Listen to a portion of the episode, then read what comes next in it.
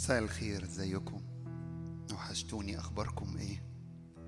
تعالوا نقف مع بعض ونبدأ الاجتماع مع بعض. تعالوا نفتح مع بعض مزمور 110 نقرأ مع بعض من عدد واحد.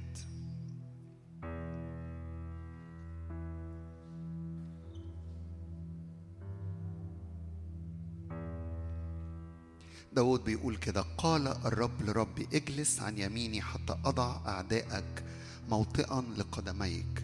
يرسل الرب قضيب عزك من صهيون. تسلط في وسط أعدائك شعبك منتدب. يوم قوتك في زينة مقدسة من رحم الفجر لك طل حداثتك.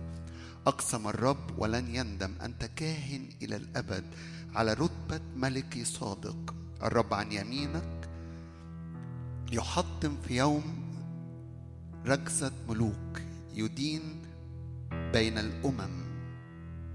ملأ جثثا أرضا واسعة سحق رؤوسها. من النهر يشرب في الطريق لذلك يرفع الرأس. أؤمن أنه كنيسة الرب في هذا الزمن كنيسة مالها مرفوعة الرأس. وده بيجي منين؟ إن أنا وأنتم عند مجاري المياه.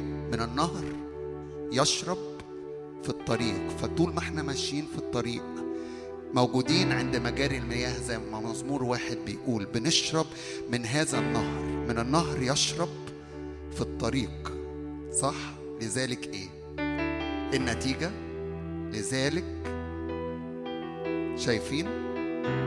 لذلك يرفع الرأس. معرفش كم واحد فينا النهاردة شاعر وكأن راسه مش مرفوعة. أشجعك وأشجعك النهاردة. تعالوا نقف عند مجاري المياه مع بعض ونشرب من النهر. النهر ده ده عمل الروح القدس النهر ده عمل الرب. اشرب من النهر ارفع راسك لأن كنيسة الرب كنيسة إيه؟ كنيسة منتصرة كنيسة غالبة. أضع أعدائك موطئا لقدميك لو الكلمات دي اتقالت عن الرب يسوع الكلمات دي ليا وليك طول ما أنا وأنتم في المسيح يسوع. فغمض عينك كده وتعالوا نعبد الرب ونشرب ونرتوي من نهر الحياة. واعلن كده إن أنا في المسيح أنا مختبئ.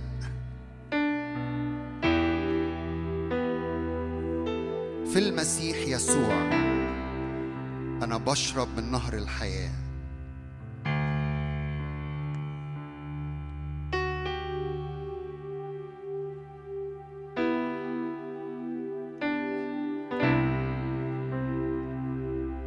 النهر يشرب لذلك يرفع الرأس.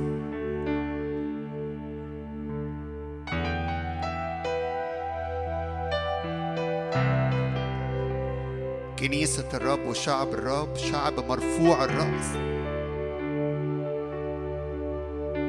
يرتفع قرني على أعدائي وأذبح للرب ذبائح الحمد.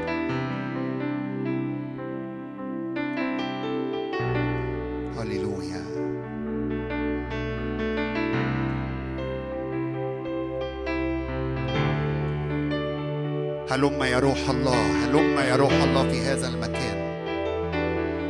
لترتفع المياه في وسطنا على كل عطش. في بداية هذا الاجتماع كده اعطش اعطش اعطش لعمل الروح القدس.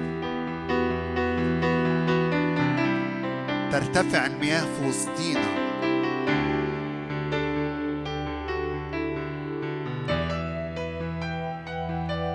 الروح يحملنا.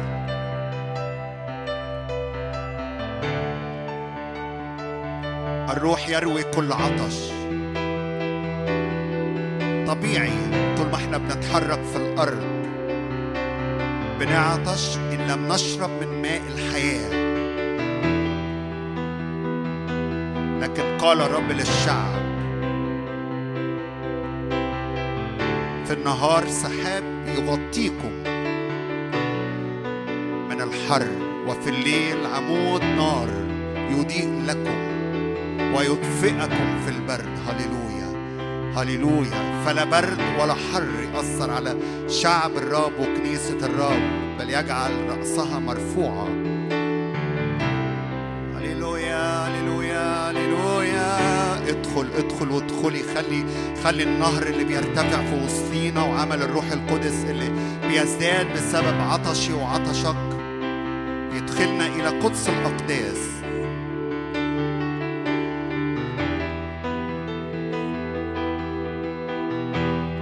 عطش لماء الحياة. كي ترويني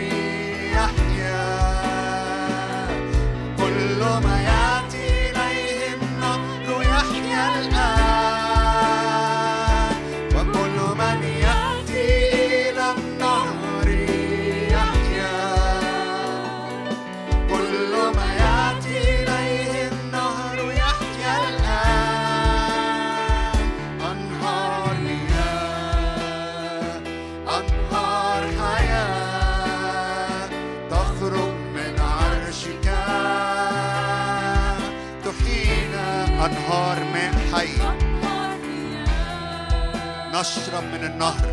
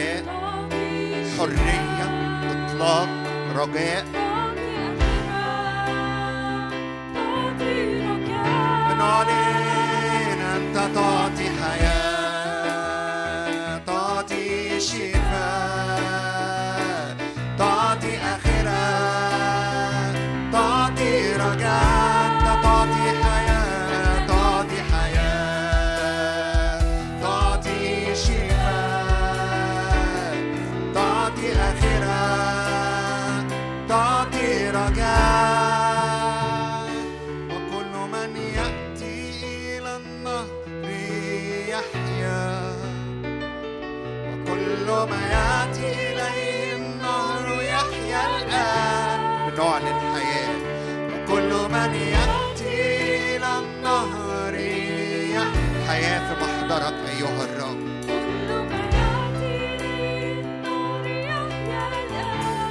نشرب من النهر فلا نعطش في الطريق نشرب من النهر لذلك نرفع الرأس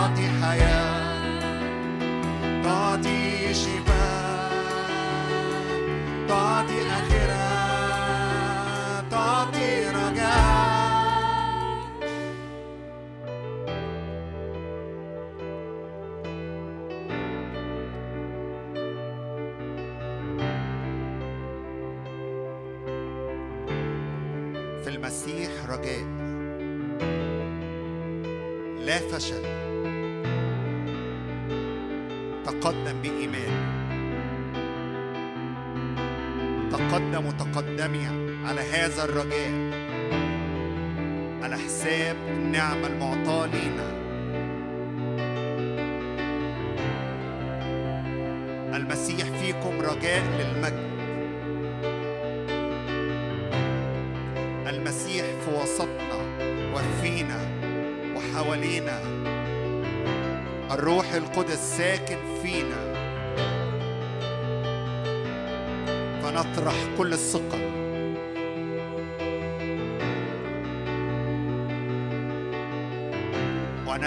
إلى العمق ليسوع كل القدرة ليسوع كل السلطان ليسوع كل البركة ليسوع كل الإكرام ليسوع كل القدرة ليسوع كل السلطان ليسوع يسوع كل القدرة. كل السلطان. ليك كل البركة. ليك كل الإكرام. للجالس على العرش.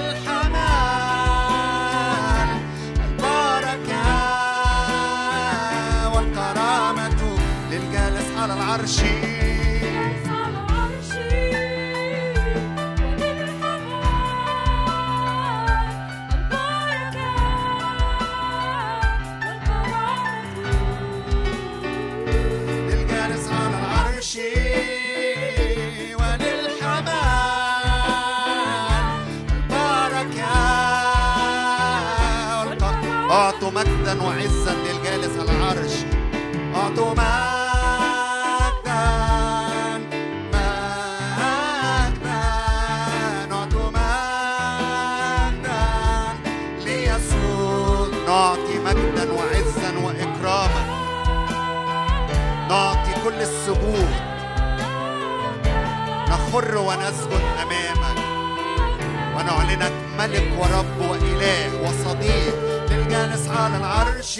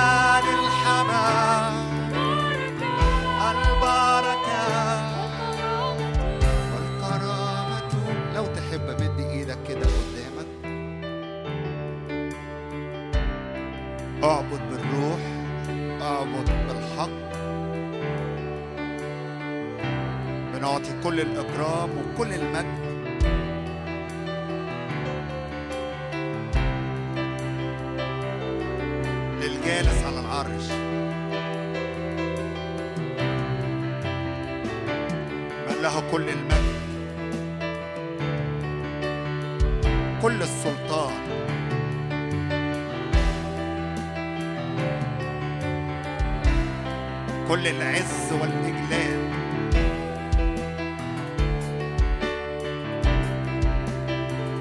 سيد كل الأرض.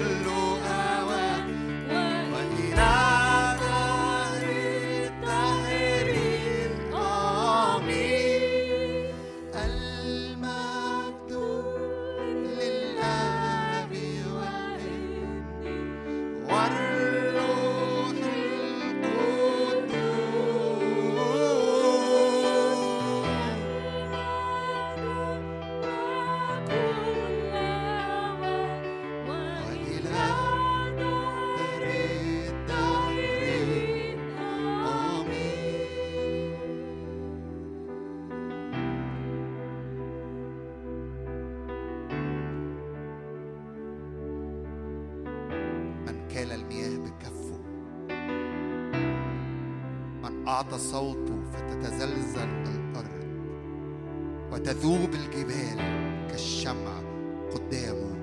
أنت أيها الرب أنت أيها الرب. حي هو الرب اللي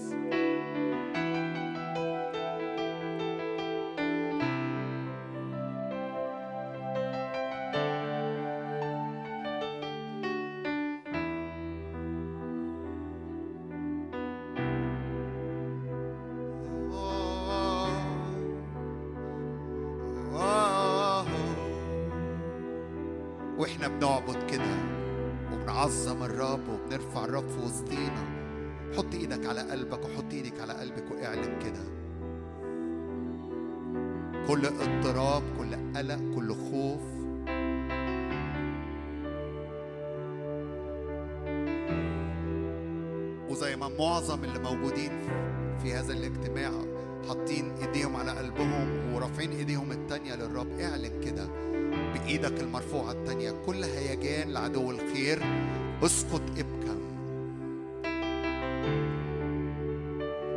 نشرب من النهر ونرفع الرأس ونرفع الرأس.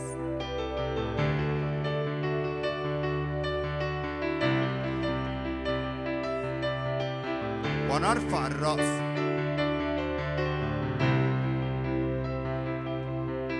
كل قلق وكل خوف وكل اضطراب وكل حسابات بشرية فبتحسبها وبتقول كده مش نافعة كده مش ماشية. دع الرب يتدخل بطرقه المعجزية. لما الرب بيدخل في الحسابات بيغير المعادلة.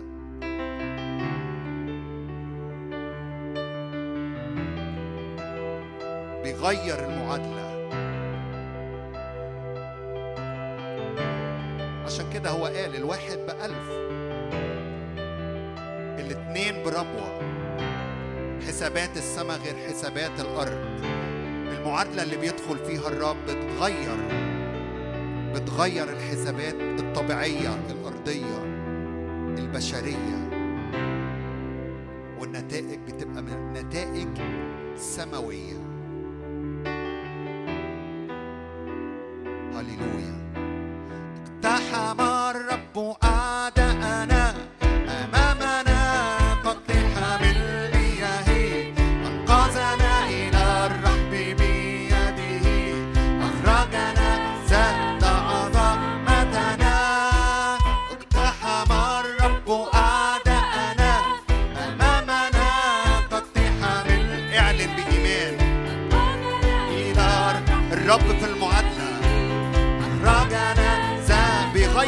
بيغير الحسابات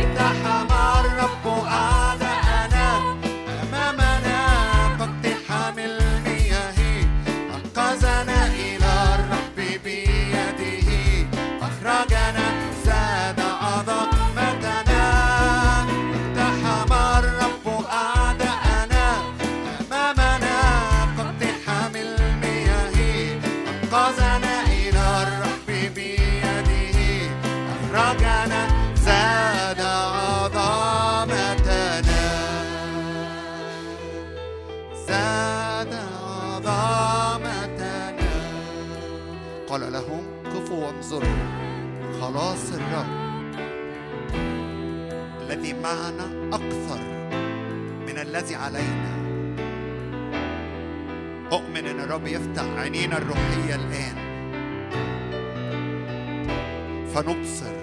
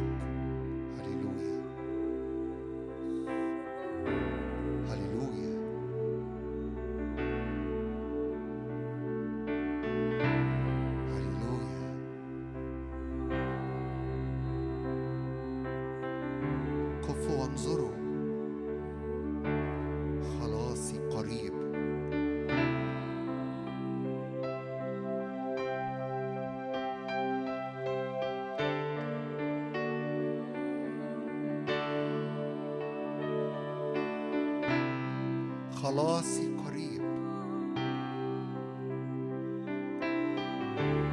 شعب الرب في هذا الزمن منتدب. شعبك منتدب في يوم قوتك. شعب جاهز شعب مستعد شعب لا يخاف.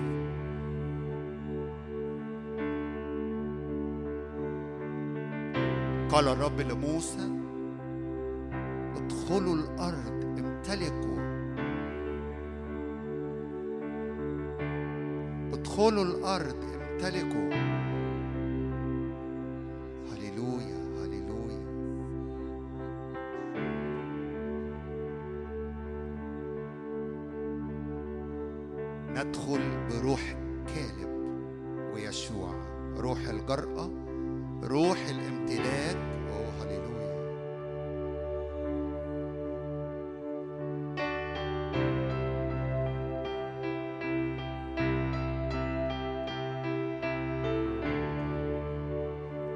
رؤساء الأسباط دخلوا الأرض. تمانية رجعوا قالوا ما نقدرش عليهم دول عماليق. دي الحسابات الأرضية البشرية الطبيعية. لكن في اتنين صدقوا في وعد الرب وكلمة الرب لأن الرب دفع للشعب الأرض قال لهم هذه الأرض ادخلوا امتلكوا. فكالب ويشوع رجعوا قالوا نعم نحن قادرون عليها. شعب الرب منتدب في هذه الأيام.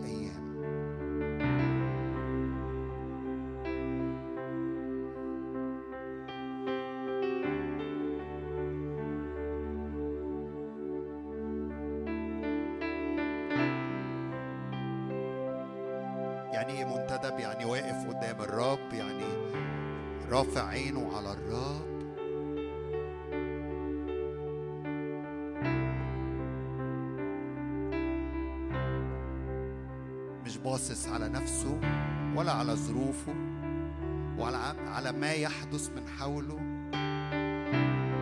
هللويا. رافعين عينينا عليك. نعلن إيماننا وثقتنا.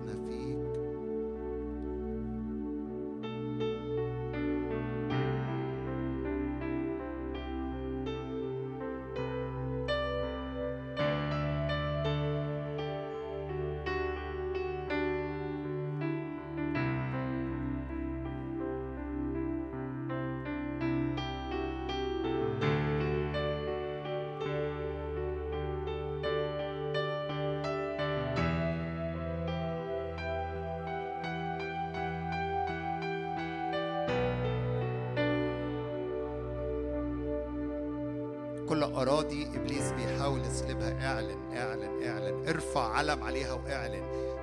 دي ملك للرب. ده ميراثي في المسيح يسوع.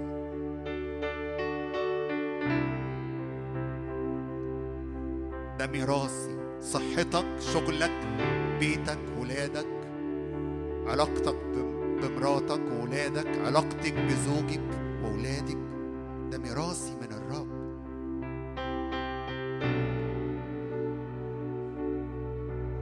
لا يسلب لا يسلب لا يسلب مني شيء. اعلن اعلني ارفع علم ارفع راية. دعوة الرب ليك. وقوفك في القصد الإلهي في هذا الزمن. لا يسلب لا يسلب لا تسلب منك.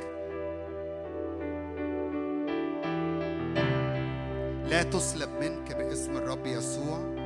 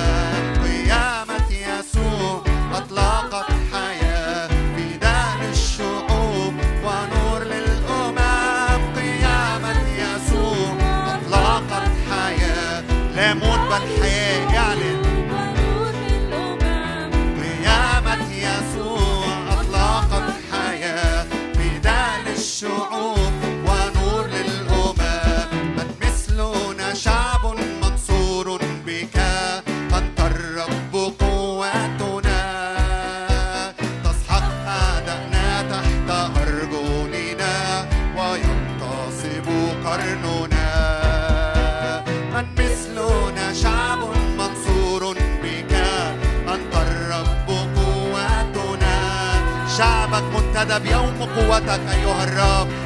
قولنا ويمتص وينتصر مرة تاني اعلن من مثلنا من مثلنا شعب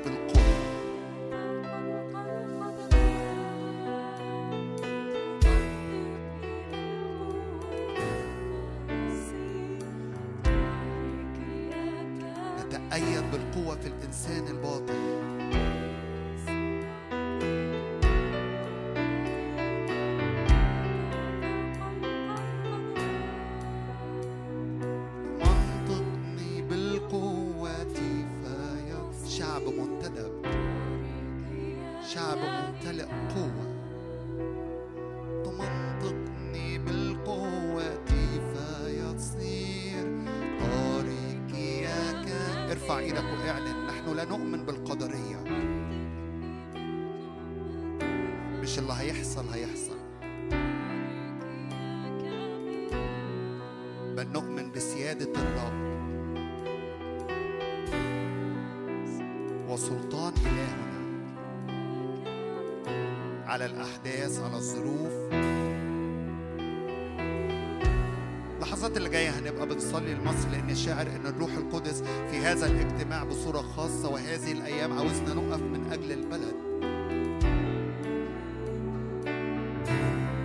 شعب الرب وكنيسة الرب منتدبة في يوم قوة الرب ويوم استعلان ملكوت الرب وملك الرب وسيادة الرب حتى على الأحداث ما يحدث في الأرض.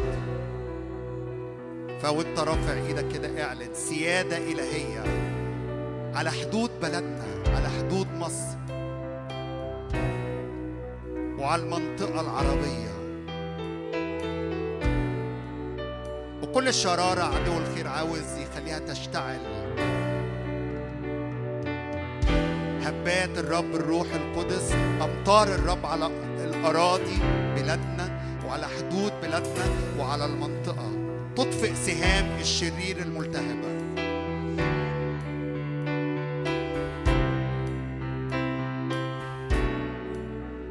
أوعى تقول بس أنا عندي ظروفي واحتياجاتي.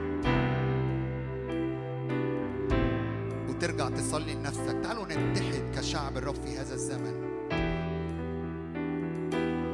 الشعب المنتدب.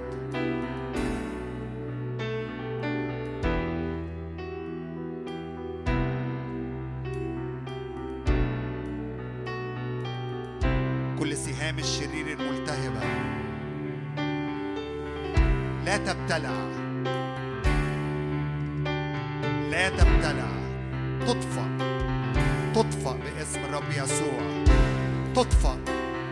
صلي معايا كده. صلي بالروح واعلن كده. كل سهام من عدو الخير بيشنها في هذا الزمن. حماية على أراضي بلادنا من كل جهة من الشمال ومن الجنوب من الشرق ومن الغرب باسم الرب يسوع.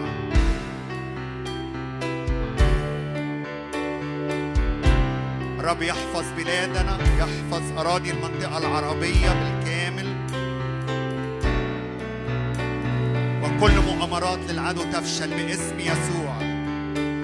تفشل.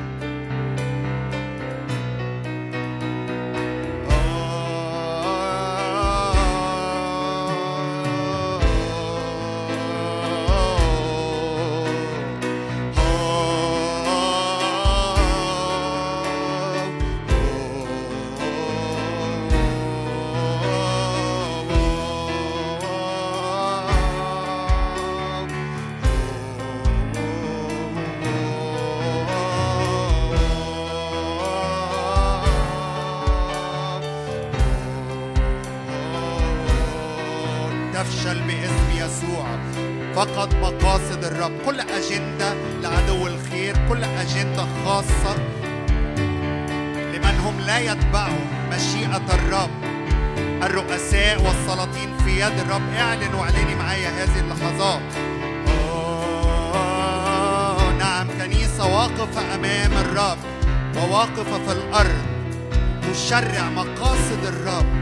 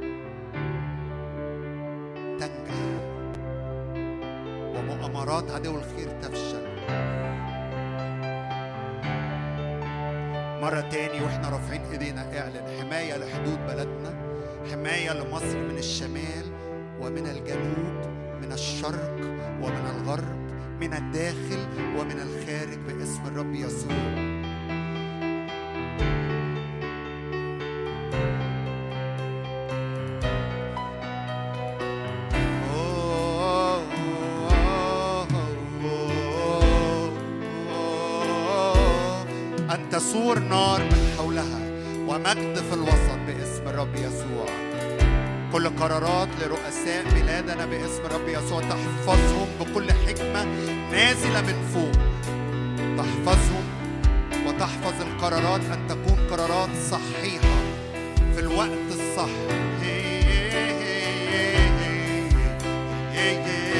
كل عيافة وكل عرافة تبطل كل سحر باسم الرب يسوع. هللويا. تحول اللعنة إلى بركة.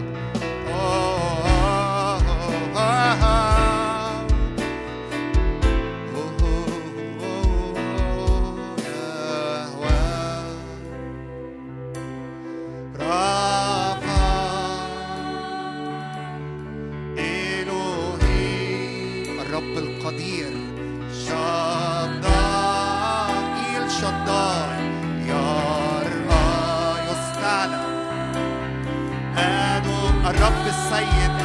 يستعلن. سيادة إلهية على الأرض. يا سيادة إلهية على الظروف. رب سيادة إلهية على الرؤساء والحكام. سيادة إلهية على كل أجندة خاصة. آه أجندة السماء فقط هي اللي تنجح. مقاصدك يا رب فقط هي اللي تنجح. أدونا يستعلن.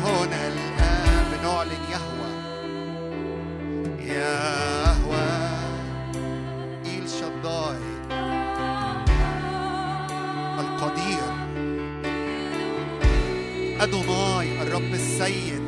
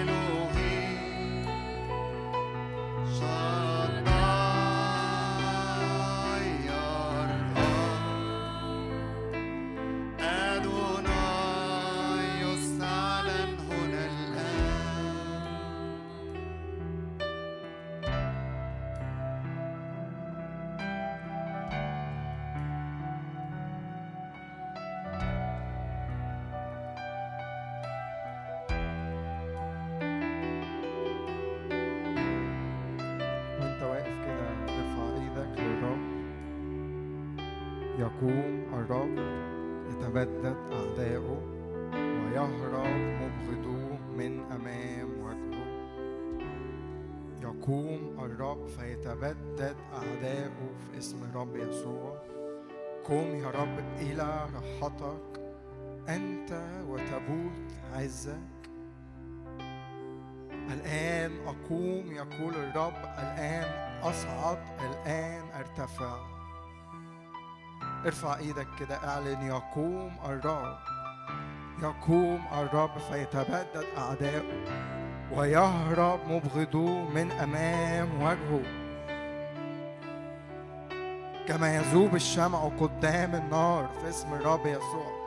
هكذا يبيد الأشرار ويزول الأشرار قدام الرب. قدامه نار تذهب وتحرق أعدائه حوله في اسم الرب يسوع. اعلن كده إيمانك في الرب. يقوم الرب الآن أقوم الآن أصعد الآن أرتفع في اسم الرب يسوع. الرب يقوم.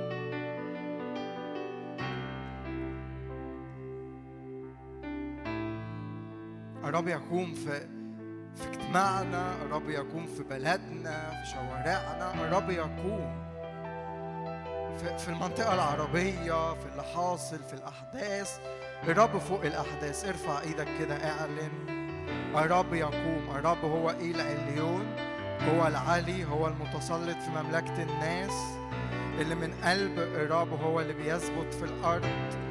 كل مؤامرات من العدو لا تقوم ولا تكون باسم الرب يسوع تكون كلا شيء وكالعدم باسم الرب يسوع.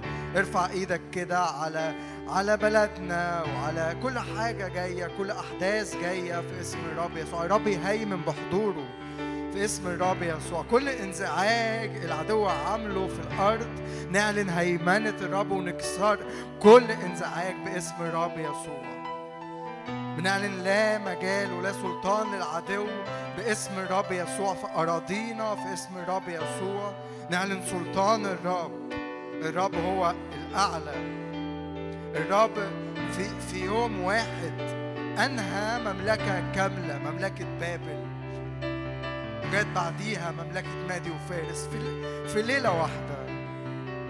الرب في ليلة يغير ممالك ويقوم ممالك. ويعزل ملوك وينصب ملوك ويغير الأحداث. اعلن إيمانك في الرب. لا تشويش لا لا تشويه لصورة الرب. لا العدو كده يهيج ويقول لك كده أنا عالم هيجانك وعجرفتك لكن أضع خزمتي في أنفك وشكيماتي في شفتيك. وأردك ولا يرمي سهم ولا يرفع مترسة ولا يقيم مترسة الرب في وسطها فلن تتزعزع. يعينها الرب عند إقبال الصبح. صلي ده للبلد كده. اعلن ده على البلد. الرب يعينها عند إقبال الصبح. الصورة اللي في قلب الرب مقاصد الرب للبلد للأزمنة الأخيرة. تتم في اسم الرب يسوع. لا تفقد. الكتاب المقدس يحكي عن حاجة تحصل في آخر الأيام. في مثلث كده الرب يحكي عنه كتير قوي في الكتاب المقدس. مصر إسرائيل أشور.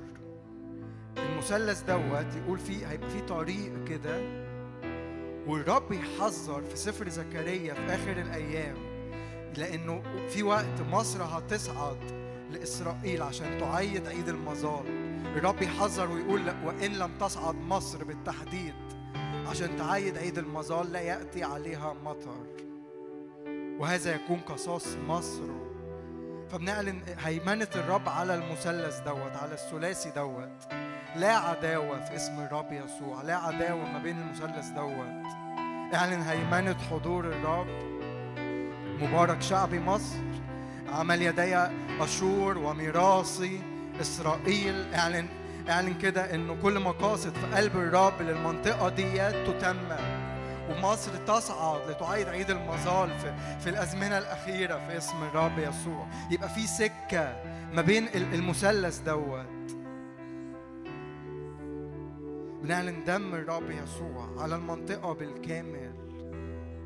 كل مؤامرات من العدو كل أمور آه، سياسية كل حاجات العدو بي- بيحاول يلعب يقول لك يظن أنه يغير الأوقات والسنة. لكن ارفع إيدك كده اعلن العدو كاذب. العدو ليس له أي سلطان. الرب هو العلي هو المتسلط في مملكة الناس. هيجوا وانكسروا في اسم الرب يسوع. من ذا الذي يقول والرب لم يأمر. الرب يقوم الرب يقوم. الرب عن يمينه يحطم في يوم رجزه ملوكا.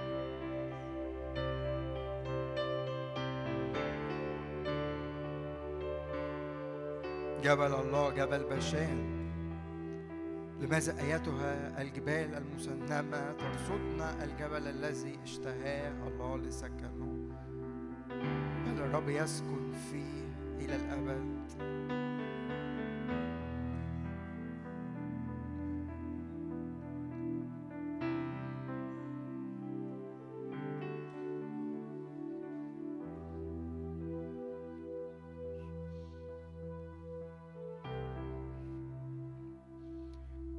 بنباركك لأجل كل حاجة صنعتها واستصنعها وكل كل رحلة أنت واخدنا ليها كل مقاصد أنت واخدنا ليها في اسم الرب يسوع. بنعلن الرب قاضينا الرب شارعنا الرب ملكنا هو يخلصنا في اسم الرب يسوع. بنعلن نيرانك بنعلن غطاء دم الرب يسوع. هيمنة حضورك يا رب علينا على باقي وقت الاجتماع والمشاركة.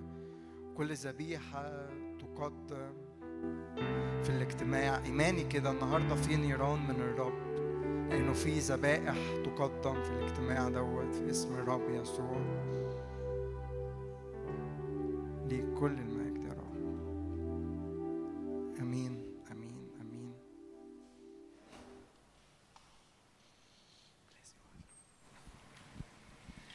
مساء الخير. في تنبيه آه، من إبرام آه، عشان الواجب بتاع المرة اللي فاتت.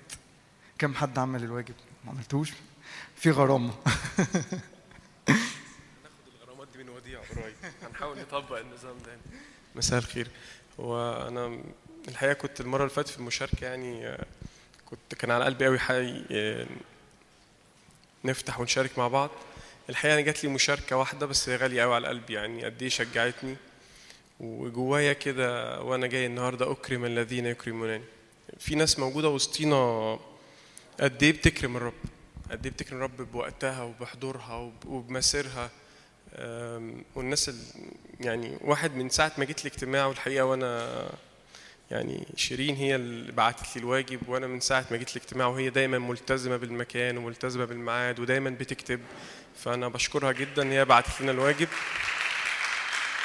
والشوكولاتة هي قدام الناس كلها. كان في تاني حاجة بس كنت حابب أقولها إن أنا المرة اللي فاتت قلت أنا نفسي قوي وإحنا آه، موجودين مع بعض إن كل مرة يطلع الخادم فكلنا نصلي له.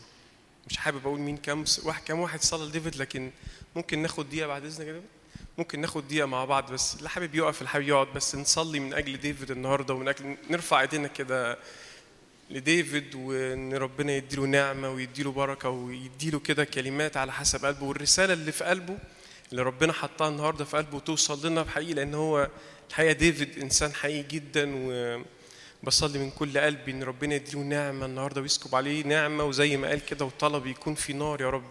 وكل سهام يا رب تكون سهام كلماته سهام مبريه يا رب تخترق باسم الرب يسوع. باسم الرب يسوع. آمين.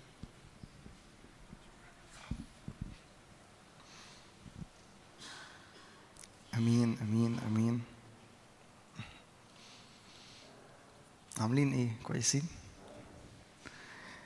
آه، أنا إيماني النهارده كده اجتماع خاص قوي آه، لأن هنحكي عن حاجة مهمة والحاجة ديت آه، هي مبدأ من مبادئ الملكوت وهي كمان ذبيحة إحنا بنقدمها للرب.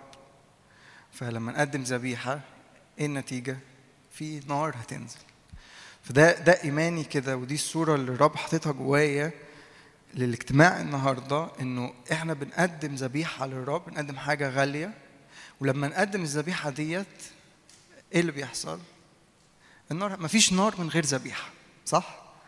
لازم عشان النار تنزل يكون في إيه؟ في ذبيحة أقدم ذبيحة للرب ف ده كمان مش بس ذبيحة لكن ده كمان مبدأ من مبادئ الملكوت اللي هتلاقيها ماشية في الكتاب المقدس كله.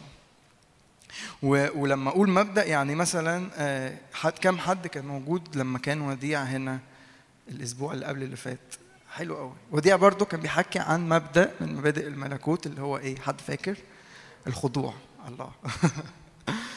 ف آه، الخضوع آه، يعني مثلا أنا هقول لكم على حاجة أنا سمعتها بعد ما طلعت من الباب ده على طول. كان في ناس بيحكوا فرميت ودني كده فكان بيقولوا ده وديع بيحكي في حتة تاني ومستوى تاني و... فأنا قلت جوايا إيه اللي أنتوا بتقولوه ده؟ يعني ده مستوى تاني؟ لأ ده هو ده المبادئ هي المبادئ مبادئ الملكوت ديت. ده ده الطبيعي المفروض إن إحنا نعيشه ده الطبيعي بتاعنا. مش بقى ده مستوى تاني وصعب أوصل له. لا يعني مثلا وديع بيحكي عن مبدأ مثلا زي الخضوع فالطبيعي إن أنا سمعت ده وعرفت ده مبدأ من مبادئ الكلمة فده يبقى حاصل في حياتي أبقى عايشه مختبره مطبقه في حياتي مفعل في حياتي آه، ويبقى عندك غيرة كده إنه كل مبدأ من مبادئ الملكوت دوت يعني مثلا أنا أنا ياما أشوف يعني أنا شفت كتير إنه ممكن مثلا حد يبقى مستخدم قوي للرب والرب بيعمل بيه حاجات كبيره قوي. بس يجي مثلا في في مبدأ من المبادئ ديت مكسورة في حياته. مثلا مبدأ زي اللي وديع كان بيحكي عنه مبدأ الخضوع مثلا. يعني في ناس كانوا بيحكوا أنا سمعت بودني اللي هو ده كأنه مستوى تاني ومستوى بعيد. لا ده دي الأرضية اللي إحنا بنتحرك منها. فمبدا زي دوت أنا ممكن أطلع وأخدم والرب يستخدمني. بس أنا مثلا قبليها أنا المبدأ دوت إيه؟ مكسور في حياتي. فحد مثلا إيه؟ القائد بتاعي أو ال- الحتة اللي أنا محطوط فيها في السقف سواء أنا في شغل سواء أنا في بيتي أهلي قالوا لي حاجة سواء أنا إيه؟ في في الكنيسة فالقائد بتاعي سواء إيه؟ قال لي مثلا حاجة وأنا ما عملتهاش ما كانش في خضوع في حياتي ما كنت المبدأ ده مكسور. بعديها ممكن أنزل أخدم وتبقى خدمة قوية والناس تتبسط ويقولوا لي ربنا يباركك وكان وقت ناري و... بس في مبدأ مكسور في حياتي. فالسما ساعتها بيبقى ليها رأي تاني بالرغم إن إحنا ممكن نبقى شايفين واو الخدمة كانت حلوة قوي. بس في مبدأ يعني أنا أنا مثلا يام- ياما كنت أشوف مثلا حد يجي مثلا آه، في البيت يبقوا مش موافقين إنه يحضر مثلا اجتماع معين. أو يروح المشوار ده أو يروح المؤتمر دوت. أو فهو يعمل إيه؟ يتخانق ويعمل معاهم مشكلة في البيت ويعمل اللي في دماغه وينزل. ويقول ده أنا اتباركت والرب عمل فيا. هو فاكر إن هو حصل معاه حاجات من الرب بس في الحقيقة الرب ليه رأي تاني لأنه الرب حط مبادئ في لو فيها لو أنا خضعت وما اخترتش إن اكسر وصية أو مبدأ كتابي حتى لو بالطبيعي بان إنه ضاع عليا فرص بس أنا اتباركت بركات أعظم بكتير قوي. حد فاهم حاجة؟ فهي المبادئ اللي إحنا بنحكي عنها ديت هي هي م- ليه ليه موجودة في الكلمة أو دي الأساسيات بتاعة الملكوت. أي مملكة كده أنت أنت في جمهورية مصر العربية في عارفين الدستور؟ في مبادئ في قوانين محطوطة. لو أنا كسرت حاجة منهم لو أنا أنا في حاجة هنا في خلل. فالملكوت دوت يعني بالمناسبة إحنا أوقات كتير نبص على القوة من غير ما نبقى عايزين نعيش المبادئ. أوقات نبقى عايزين قوة الملكوت و... بس مبادئ الملكوت نفسها تبقى مكسورة. ده مش صح. فنبص بقى على الحاجات الكبيرة وأنا عايز الرب يستخدمني ويعمل بيا حاجات ويبقى عندي مواهب الروح. وأبقى كده بخدم و... لا لو أنا عايش بالمبادئ الحقيقية بتاعت الم... يعني لو لو أنت موجود دلوقتي مثلا في اجتماع أنت دخلت اجتماع زي كده ولقيت مثلا حد بيوعظ عن متى خمسة وستة وسبعة مثلا الموعظة على الجبل هتعمل إيه؟ هتطلع هتسيب الاجتماع تقول يا عم ده كلام سمعناه في ابتدائي بس في الحقيقة هي دي المبادئ بتاعت الملكوت. لو يسوع بيعلم اليومين دولت هتيجي هتلاقيه بي بيقول نفس الكلام. هو هو مش بيتغير. فإحنا دايما نحب نبص على الصورة من الآخر لكن ما نحبش نبص على السكك. إزاي بقى أمشي وأوصل والمبادئ ديت أعملها إزاي ويبقى ويبقى ده حاصل في حياتي. و... امين فيعني دي حاجة مشجعة إن إحنا لما نحكي مثلا عن حاجة من من ال- ال- الحاجات اللي إحنا مبادئ الملكوت دي زي الخضوع آه، آه، دي حاجة تشجعك كده تقول آه أنا لو ده مش حاصل في حياتي أنا هقف قدام الرب فالرب يفتدي الزمن اللي ما كانش حاصل فيه المبدأ ده في حياتي ومن النهارده فصاعدا ال- ال- المبدأ دوت يبقى موجود في حياتي كل يوم. آمين؟ فإيه المبدأ اللي أنا هحكي عنه النهارده؟ هو العطاء. فالعطاء دوت مبدأ من مبادئ الملكوت والعطاء دوت زي ما قلت لك هنكتشف كمان شوية إن هو مش بس مبدأ من مبادئ الملكوت لكن هو ذبيحة. ف ف ذبيحة ديت يعني بقدمها للرب والصورة اللي جوايا كده. أنا يعني جوايا كمان آه، وقت ال- العبادة اللي في الآخر هيبقى وقت مليان نار الرب. لأنه في ذبيحة غالية هتتقدم في الوقت دوت. آمين. ف هسألكم سؤال قبل ما يعني قبل ما نخش كده في المبدأ دوت حكي عن العطاء. كم حد بيتبارك في الاجتماع هنا؟ يعني كم حد بيجي الاجتماع وبيتقابل مع الرب وبيتبارك والرب بيكلمه؟ كلنا صح؟ أو أغلبنا. فحلو قوي. يعني احتفظ بالحتة دي هقول لك كمان شوية هنعمل إيه يعني. خروج 25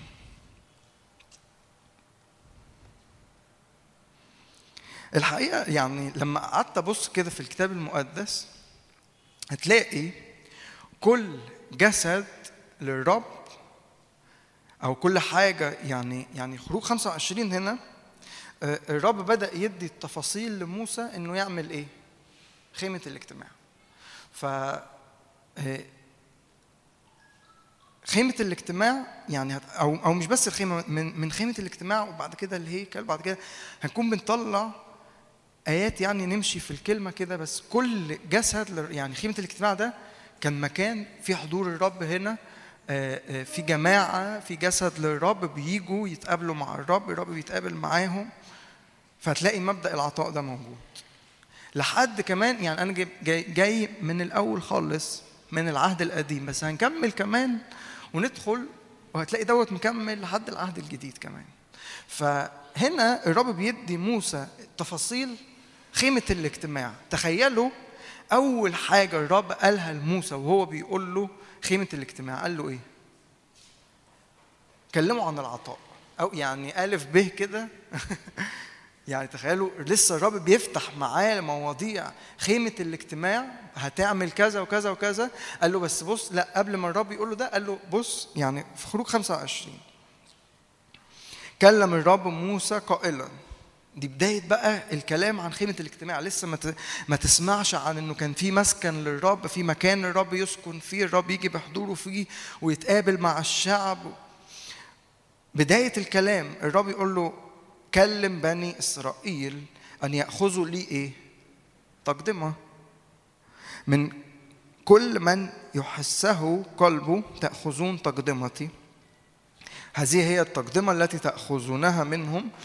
ذهب فضة نحاس اسمنجوني أرجوان قرمز وبوس وشعر معزة وجلود كباش محمرة وجلود تخس. وخشب صمت وزيت للمنارة ويكمل. بعدها عدد ثمانية يصنعون لي مقدسا لأسكن في وسطهم بحسب جميع ما أنا أريك. من مثال المسكن ومثال جميع أنيته هكذا تصنعون. يعني الرب هنا جاي بيعمل خيمة و يعني الرب قرر بقى هيسكن في وسط الشعب هي الشعب بيتحرك فالرب يتحرك معاهم فأول حاجة الرب بيقولها لهم قبل ما. قبل ما يقول لموسى أي تفاصيل في الخيمة كلموا عن العطاء قال له روح قول لبني إسرائيل يجوا بتقدمة ذهب فضة كل بقى نحاس اسمنجوني كل الحاجات الليستة اللي إحنا قريناها وفي الحقيقة ده مش هتلاقي بس هنا لكن هكون ببص معاك في شوية آيات. تلاقي في الكتاب المقدس كله طالما في جسد للرب. يعني إحنا موجودين مثلا جسد للرب بنعبد الرب مع بعض حضور الرب موجود زي زي في الخيمة زي المسكن اللي موسى كان بيعمله. فأول حاجة الرب يقول لموسى عنها يقول له بص قول للشعب يجوا إيه؟ يعني يجيبوا تقدمة ويقدموا ف ده مبدأ من مبادئ الملكوت مهم قوي إنه طالما أنا في جسد زي للرب زي كده إنه أعمل إيه؟ أنا جاي بعبد الرب بتبارك فالطبيعي إنه أعمل إيه؟ أنا كمان أبارك أدي. يعني تخيل الخيمة أنت تبص على الخيمة كده الذهب فضه اسمنجوني كل القطع وكل حاجة في الخيمة كل فتفوتة في الخيمة تلاقي الشعب واقف حواليها كده. فمثلا تبص على المنارة تقول آه ده فلان ده هو اللي كان مقدم الذهب بتاع المنارة فلان دوت هو اللي كان مقدم ال ال الاسمنجوني فلان ده هو اللي كان مقدم الفضة فلان ده هو كل قطعة وكل جزء من الخيمة كأنه كده الشعب واقف والخيمة في النص بس الخيمة في كل جزء فيها هي جزء من مين؟ من حد من الشعب كان مقدم الحاجة دي حد فاهمني؟ فهي عبارة عن تقديمات الشعب. يعني الشعب واقف حواليها كده وهي جزء من الشعب. يعني يعني الشعب هو اللي عطى وقدم وعطى كل حاجة أغلى حاجة عنده جم بيها للرب وقدموها. والمسكن اللي في النص ده تبص كده تقول آه ده التقديمات بتاعت الشعب دوت. والحقيقة مفيش يعني مفيش عبادة للرب مجانية. داود أدرك دوت كويس قوي. هنكون بنبص على داود كمان شوية. بس داود جه وقت كده لما كان في ضربة في الشعب و... ف وراح عند بيدر أرنان اليابوسي وقال له أنا هدي لك الحقل وكل حاجة و... و... واعمل يعني قدم للرب و... داود قال للرب لا أنا مش هصنع مش مش هاجي وهقدم للرب محرقات مجانية. داود أدرك المبدأ ده, ده أنا بقول لك دوت ليه؟ لأنه ده مبدأ كتابي. مش لأنه إحنا عايزين فلوس. بالمناسبة يعني أنا لما حكيت مع شادي أو آه هو يعني هو شادي عمره مثلا ما كان هيجي يحكي عن العطاء أو يقول أو يطلب أو هو لأنه ما في ما فيش مثلا مش بنحكي من حتة احتياج أو الخدمة لا خالص. لكن ده أنا بقول لك ده مبدأ كتابي هنبص عليه في الكتاب المقدس كله. ولما يكون مفعل في حياتك هتبقى تبتدى تب يعني لما المبادئ دي تبتدي تفعلها في حياتك تلاقي قوة بقى الملكوت. يعني عشان كده كنت بقول لك في المقدمة إنه أوقات كتير نبص على نبقى عايزين القوة من غير ما نشوف المبادئ قوة الملكوت من غير ما نعيش مبادئ الملكوت. ده ما ينفعش مفيش حاجة اسمها كده. عشان أختبر قوة الملكوت لازم أعمل إيه؟ أعيش مبادئ الملكوت. فبالمناسبة مبادئ العالم بره مختلفة خالص عن مبادئ الملكوت. يعني مبادئ العالم بره تلاقي عندهم الطمع وبيحبوا الفلوس لو بصيت بره على الخناقات تلاقي أغلب الخناقات بسبب إيه؟ بسبب الفلوس. سواء بقى تلاقي مشاكل ما بين ناس قرايب ما بين ناس في الشغل هتلاقي أغلب الخناقات اللي بتحصل في الآخر على الفلوس. لو ركبت ميكروباص هتلاقي برضه ممكن ناس بيتخانقوا هتلاقيهم بيتخانقوا على الفلوس برضه يعني. فهتلاقي أغلب الحاجات الشعب يعني المبادئ العالم دايما دايما دايما تلاقيها مختلفة عن مبادئ الملكوت لأن العالم عايز ياخد يحب إنه ياخد يحب الطمع بس هنكون بنكتشف إنه أنت لما لما أنت بتاخد لما يبقى لما ده ده يبقى الاتجاه بتاع قلبك إنه أنا آخد اللي معايا بيقل لما أنا بدي اللي معايا بيزيد. حلو ده ده يعني ده مبدأ بقى الملكوت في العطاء إنه أنا أنا معايا 10 جنيه. اديت شيرين خمسة جنيه فاللي معايا المفروض إيه؟ هيقل. لا الملك الكتاب المقدس بيقول إن اللي معايا مش هيقل اللي معايا هيزيد. متفقين؟ فيعني هنسفلت ال... واحدة واحدة كده بس.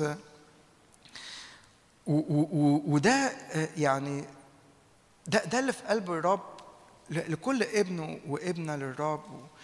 طالما انت موجود مثلا في جسد للرب زي كده بتتبارك الرب يتقابل معاك الرب فالطبيعي إنه إيه؟ أكون بقدم للرب. آمين؟ تعالوا طيب نطلع ونرجع تاني للعهد القديم. آخد آية من العهد الجديد من كورنثوس الأولى ونرجع تاني نبص على حبة حاجات في العهد القديم وبعد كده ننقل تاني للعهد الجديد. فهي الخريطة ماشية إنه هنبص على كم مشهد في العهد القديم و... ونرجع تاني. يعني بس أنا هاخد بس آية كده ونرجع نكمل. كورنثوس الأولى تسعة.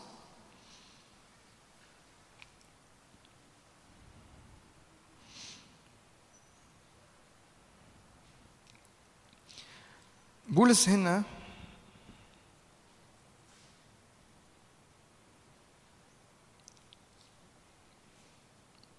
يعني هتلاقي بيحكي في الإصحاح دوت عن عدد مثلا آه،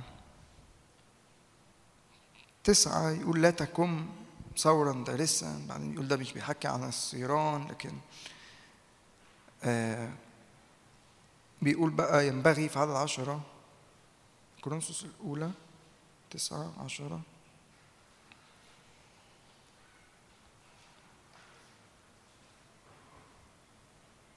كورنثوس الأولى تسعة. تسعة. إصحاح تسعة. إصحاح تسعة. مش إصحاح واحد. أنا بقول الكتاب مختلف عن الكتاب اللي معايا.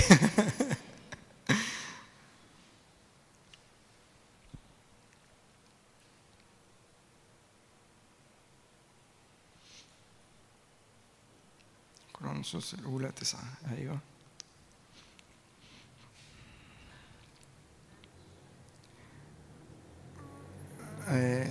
يعني يأتي عشرة مثلا ف يقول لأنه ينبغي للحراس أن يحرس على رجاء للدارس على الرجاء أن يكون شريكا في رجائه ده النص التاني من الآية. هي مش جاية كلها في الشاشة؟ آه. بعديها يقول لهم في عدد 11 بقى إن كنا قد زرعنا لكم الروحيات أفعظيم إن حصدنا منكم إيه؟ الجسديات. ف بولس هتلاقيه هنكون كمان بنبص بوضوح على دوت في كورنثوس الثانية. 8 و9 هتلاقي إصحاحين كاملين بيحكي أو في أغلب الإصحاحين بولس بيحكي عن العطاء و... بس هنا بولس حط مبدأ برضو نفس المبدأ اللي هنحكي فيه. زرعنا من لكم الروحيات طب أنتوا خدتوا حاجة روحية اتباركتوا فالطبيعي المفروض تعملوا إيه؟ تباركوا ماديا صح؟ حد شايفين الآية؟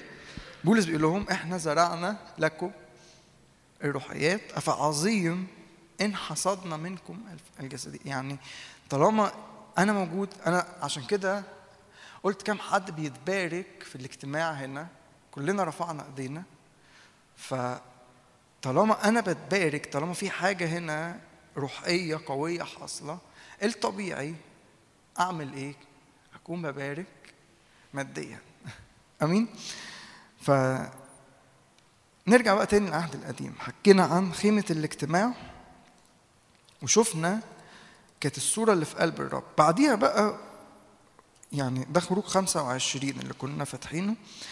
ننقل عشر إصحاحات تاني خروج 35 أيوه آه، عدد أربعة هنقرأ من عدد أربعة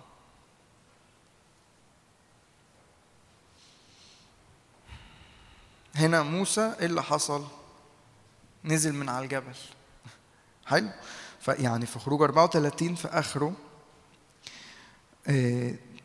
تلاقي إنه لما نزل وكان وجهه بيلمع يعني يقول لك في عدد 29 كان لما نزل موسى من جبل سيناء ولوحة الشهادة في يده في يد موسى و ده ده المشهد كلكم عارفينه في خروج 34 لما نزل وكان جلد وجهه بيلمع. خروج 35 في أوله في عدد واحد يقول جمع موسى كل جماعة بني إسرائيل. لسه بقى ما قال لهمش حاجة عن تفاصيل خيمة الاجتماع. هنعمل خيمة و... يعني طبيعي انت مثلا لو لو بتحكي مع حد طبيعي دلوقتي أو أو يعني حاجة في الشغل حد بيحكي لك عن حاجة وحد مثلا آه، حاجة انت هتدفع فيها فيقعد يقول لك مميزات الحاجة دي الأول يقول لك المشروع ده كذا كذا كذا كذا بعديها يقول لك ها يقول لك كل مميزاته عشان يغريك إن انت إيه؟ تدفع. فموسى موسى المفروض كان يعمل كده يقول لهم ده إحنا هنعمل خيمة والرب يجي و... بس موسى بص يبدأ بقى كلامه معاهم إزاي. كلم موسى كل جماعة بني إسرائيل قائلا هذا هو الشيء الذي أمر به الرب قائلا خذوا من عندكم إيه؟ تقدمة للرب. كل من قلبه سموح فليأتي بتقدمة للرب ذهبا وفضة ونحاسا نفس الليسته في خروج 25 ف يعني عارفين حتى آه، آه، لو لو حد جاي بيبيع لك حاجة اليومين دولت هي- هيقعد يقول لك بص الحاجة دي مميزاتها كذا وكذا وكذا وكذا فيقنعك إن أنت إيه تدفع بعد كده صح ولا إيه؟ حد حد في السوق بره فموسى طب يعني يا موسى آه، قول لهم آه، سيب حتة التقديمات ديت للآخر. قول لهم ده إحنا هنعمل خيمة والرب هيجي يسكن وسطينا ويبقى حضوره هنا والشكينة والمجد و... بس موسى لا موسى بيعمل اللي الرب قال له عليه. الرب زي ما بدأ معاه كلام إنه أول حاجة الرب قالها له خد تقدمة من الشعب. موسى أول حاجة بيعملها للشعب بيقولها للشعب هاتوا إيه؟ تقدمة عشان هنعمل مسكن للرب. ويبقى ده جواك كده تبقى آه، حاجة غالية إنه يبقى في جسد للرب يبقى في مسكن للرب في حاجة كده آه، آه، الرب مكان الرب يسكن فيه جسد الرب يرتاح فيه. بس عشان الجسد دوت يبقى عايش بالصورة الكتابية اللي في قلب الرب بالمبادئ بتاعة الكلمة بمبادئ الملكوت أول حاجة الرب يقولها هنا هو إيه؟ الشعب يقدم أمين؟ فلما لما تقدم يعني أو نحكي عن العطاء أو إحنا بالمناسبة في ورا صندوق مع هناء هنكون حاطينه آه، وهنقدم للرب عشان كده بقول لك هيبقى في ذبيحة غالية قوي النهارده ف وانت بتعمل ده أو انت بتسمع عن ده يعني أنا في شايف وشوش كده مكشرة أو- لا دي حاجة تخليك مل- مليان بالفرح. تبقى فرحان كده أنا هقدم للرب. يعني طب تعالوا نروح أخبار إيه الأول؟ هنا داود بيقدم بقى للرب عشان في مسكن تاني هيتعمل. بس بص داود بقى مليان بالفرح. فتبقى ده ده ال ال الشكل بتاعك وانت رايح كده مليان بالفرح وانت أنا هقدم للرب النهارده والرب هيستغلى ويستثمن محرقاتي ويستغلى كل تقدمة أنا بقدمها له. آمين؟ أخبار الأيام الأول 29 ممكن تبقى قاعد تسمع كده وتقول ده أنا كنت جاي متوقع أسمع حاجات والرب يكلمني في حاجات بقى كبيرة وحاجات قوية. أقول لك ما هو ده حاجات كبيرة وحاجات قوية. لو أنت عشت المبدأ دوت هتختبر مجد الرب وبركات الرب وحضور الرب بشكل أنت ما اختبرتوش قبل كده لأنك بتطبق مبدأ في الكلمة. أخبار أيام أول 29 هنقرأ من الأول.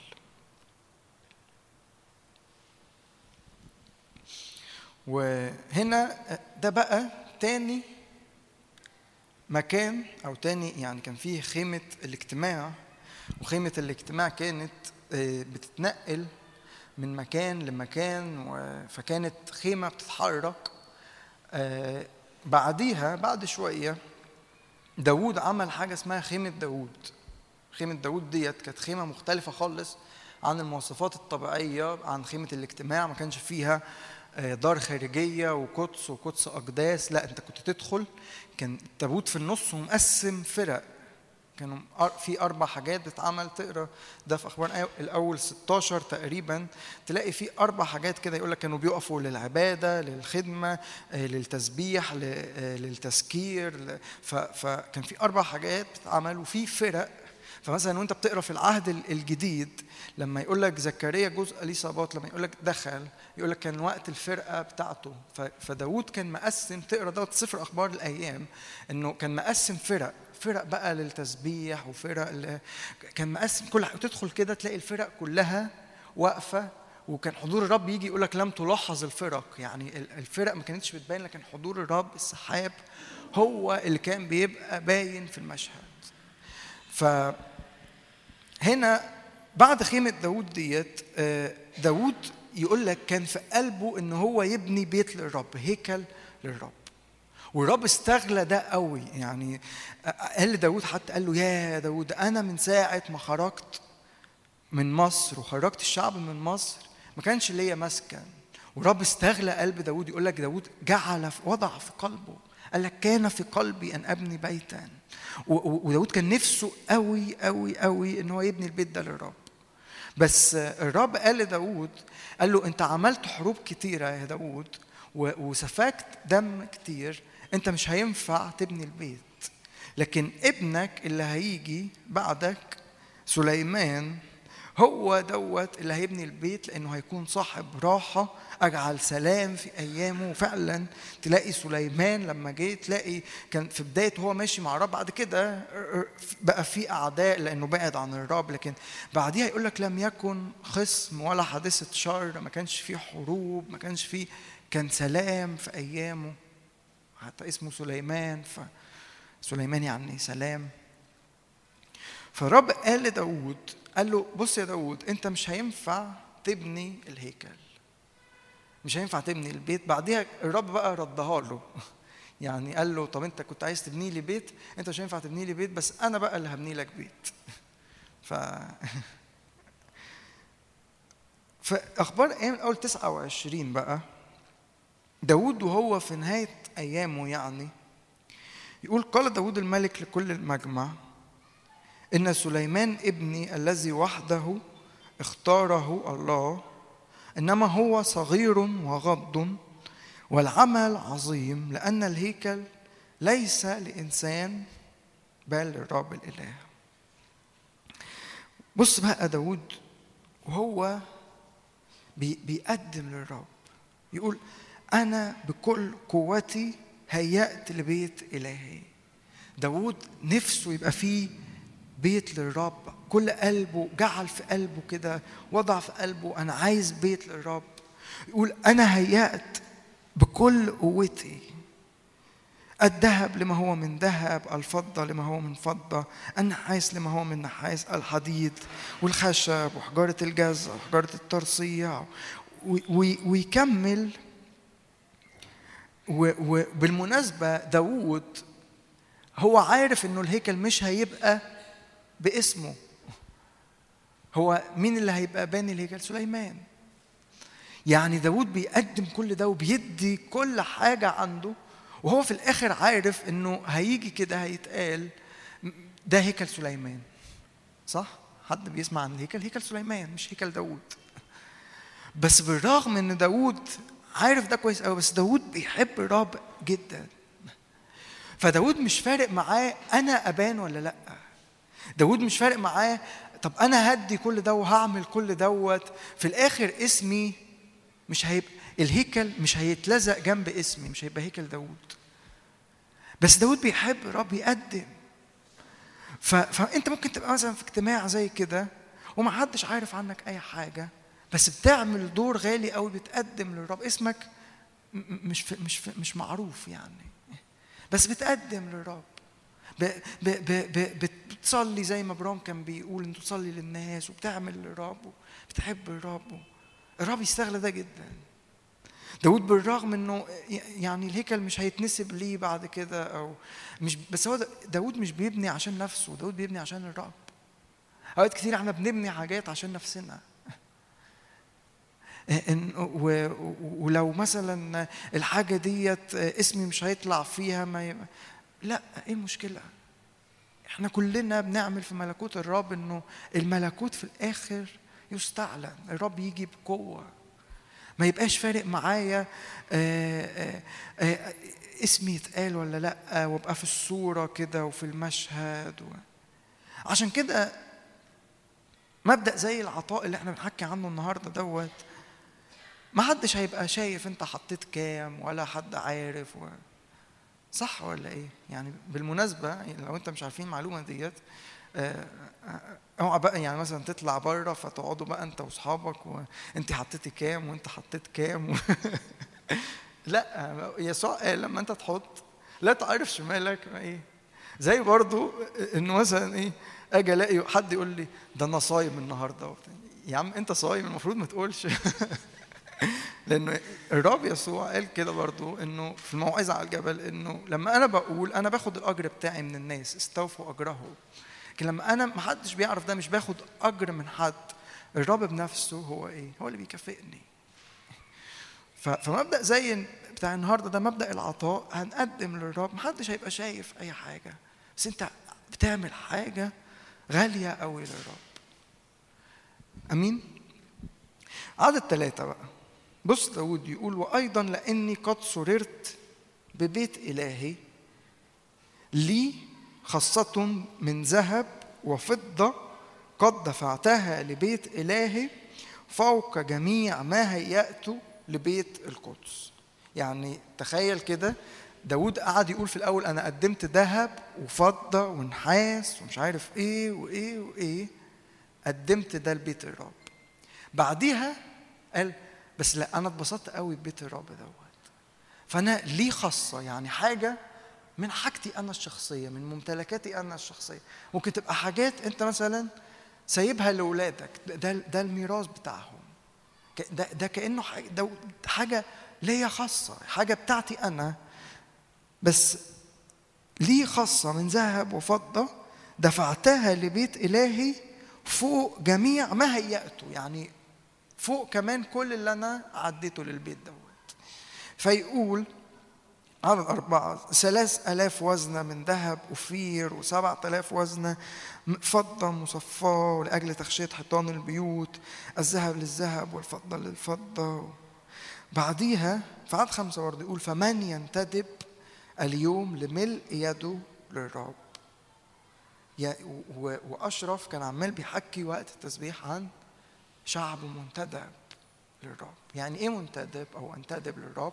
يعني متطوع. باجي بقدم كل حاجة بقدم نفسي بقدم كل اللي عندي بقدم الكل للرب. في مزمور 110 لما حكي عن شعب منتدب ده شعب منتدب يعني متطوع أو بيقدم نفسه للحرب لأنه ده يوم قوة الرب الرب يحطم في عن يمينه يحطم في يوم رجزه ملوكا. فيوم الحرب كانه الشعب كده بيتطوع يبقوا جنود للرب يقفوا كجنود للرب. هنا الشعب ينتدب يتطوع إن هو يقدم للرب. فبعدين يقول لك فانتدب رؤساء الآباء ورؤساء أسباط إسرائيل ورؤساء الألوف كله بقى يقول عدد سبعة أعطوا لخدمة بيت الله خمس تلاف وزنة وعشر تلاف درهم. ويقول بقى عدد تسعة وفرح الشعب إيه؟ بانتدابهم لأنهم بقلب كامل انتدبوا للرب وداود الملك أيضا عمل إيه؟ فرح فرحا عظيما. عشان كده بقول لك وانت بتسمع كده عن العطاء وان انت تقدم للرب تبقى رايح كده وقلبك مليان بالفرح وبعد ما آه، نخلص الوعظة ديت وانت بتتحرك لو الرب شغلك انك تتحرك ناحية الصندوق كده تبقى فرحان جدا ومبتهج جدا أنا رايح اقدم للرب. وداود يقول ده أنا سررت ببيت الرب. وأنا ياما كنت بشوف دوت يعني ياما كنت مثلا أحضر مؤتمرات في الصعيد يعني هنا في اسكندرية مش بشوف ده قوي بس الرب يعلمنا دوت.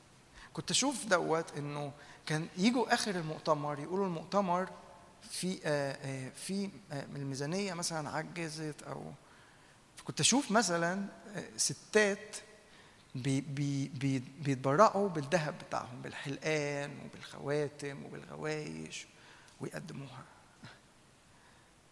فالرب يعلمنا دوت.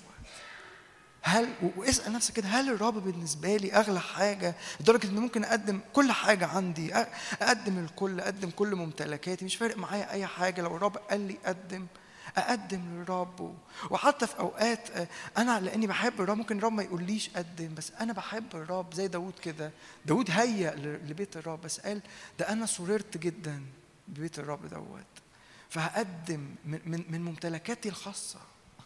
يعني عارفين تخيلوا مثلا واحدة كده آه، وراحت قدمت آه، الشبكة بتاعتها مثلا أو الذهب ال- اللي هي بتمتلكه أنا يعني ده بيحصل. نا- ناس بتحب الرب ناس مش فارق معاها غير عمل الرب بالكامل وملكوت الرب دا داود هنا والشعب بيعملوا كده. تلاقي المشهد ده متكرر كتير قوي في الكتاب المقدس. فبعديها في عدد عشرة بص بقى مليانين بالفرح. بارك داود الرب أمام كل الجماعة. قال داود مبارك أنت أيها الرب إله إسرائيل. أبينا من الأزل وإلى الأبد. لك يا رب العظمة والجبروت والجلال والبهاء والمجد. لأن لك كل ما في السماوات والأرض لك يا رب الملك قد ارتفعت رأسا على الجميع. الغنى والكرامة من لدنك. أنت تتسلط على الجميع. بيدك القوة والجبروت. بيعظم الرب. وفي عدد 14 يقول لكن من أنا؟ من هو شعبي؟ حتى نستطيع أن ننتدب هكذا. لأن منك الجميع من يدك ومن يدك أعطيناك. يعني كل اللي إحنا قدمناه ده أصلا إحنا واخدينه من إيدك. إحنا آه أنت أصلا اللي باركتنا بكل دوت فإحنا بنباركك. ده ده ده ده قلب آه آه شعب الرب أولاد الرب بنو الملكوت اللي بيحبوا الرب. بياخدوا من الرب ويقدموا عارفين حتى في في سفر الرؤيا تلاقي كده إنه في أكاليل الرب يوزعها بس يقول لك بيجوا كده بيطرحوا الأكاليل ديت قدام الرب. كأنه ده أغلى حاجة عندهم الرب بنفسه جه وكافئهم وأعطاهم اكاليل بس هم مقدمين الكل للرب. آه ويقول بقى منك الجميع ومن يدك أعطيناك نحن غرباء أمامك نزلاء مثل كل آبائنا. عدد 16 أيها الرب إلهنا كل هذه الثروة التي هيأناها لنبني لك بيتا لاسم قدسك إنما هي من يدك ولك الكل. فداود هنا بيقول له يا رب بص أنت كل أصلا الحاجات اللي إحنا قدمناها دي هي مش بتاعتنا. ده هي أصلا من يدك وأنت باركتنا. فإحنا جايين بنباركك وبندي. آمين. فده يبقى ده يبقى اتجاه قلبك كده وأنت وانت رايح تقدم للرب تبقى مليان بالفرح. سفر أخبار الأيام برضو بس التاني بقى.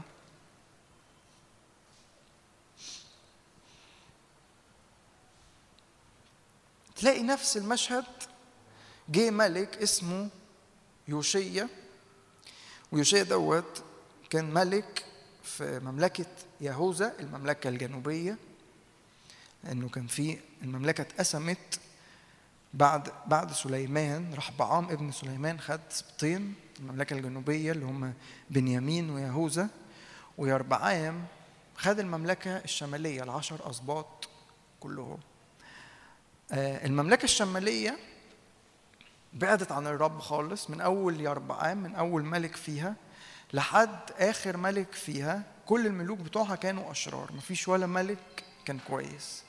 المملكة الجنوبية كان فيها آه، ناس يجوا شوية أشرار ويجي حد كويس. مش عارف اتنين أشرار وواحد اتنين كويسين كده. فيوشيا ده كان ملك كويس. يعني حتى المملكة الشمالية راحت سابية أشور بعد كده راحت بدري وما رجعتش. يعني ما تسمعش عنها حاجة بعد كده. بس المملكة الجنوبية آه راحوا بابل وقعدوا سبعين سنة في بابل. وبعدين رجعوا رجعوا على ثلاث مراحل. ف يعني مش وقت نحكي في كل التفاصيل. لكن يوشيا ده كان ملك من المملكة الجنوبية اللي كان فيها أورشليم العاصمة بتاعتها اللي كان فيها الهيكل. و عمل يعني يقول لك عمل المستقيم في عيني الرب في عدد اتنين. و طب يعني ممكن طيب نقرأ القصة القصة دي هتلاقيها في أخبار الأيام 34 وفي ملوك الثاني 22 فإحنا ممكن نطلع ملوك الثاني 22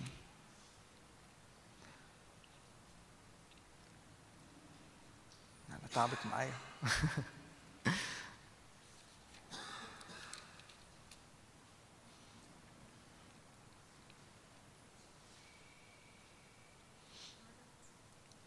نقرأ مثلا عدد أربعة نقرأ ثلاثة في السنة ال 18 للملك يوشيا أرسل الملك شفام ابن أصاليا ابن مشولام الكاتب إلى بيت الرب قائلا اصعد إلى حلقية فيحسب الفضة المدخلة إلى بيت الرب التي جمعها حارسوا الباب من الشعب فيدفعوها ليد عاملي الشغل الموكلين ببيت الرب ويدفعوها إلى عاملي الشغل الذي في بيت الرب لترميم ثلم البيت للنجارين والبنائين والنحاتين وكل الحاجات ديت لأجل ترميم البيت. إلا أنهم لم يحاسبوا بالفضة المدفوعة لأيديهم لأنهم إنما عملوا بأمانة. وبعديها تلاقي إن هم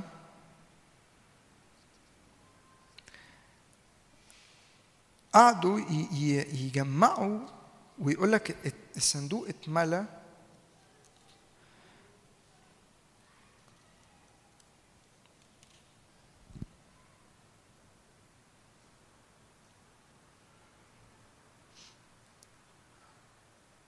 حد وصل للآيات اللي أنا قصدي عليها؟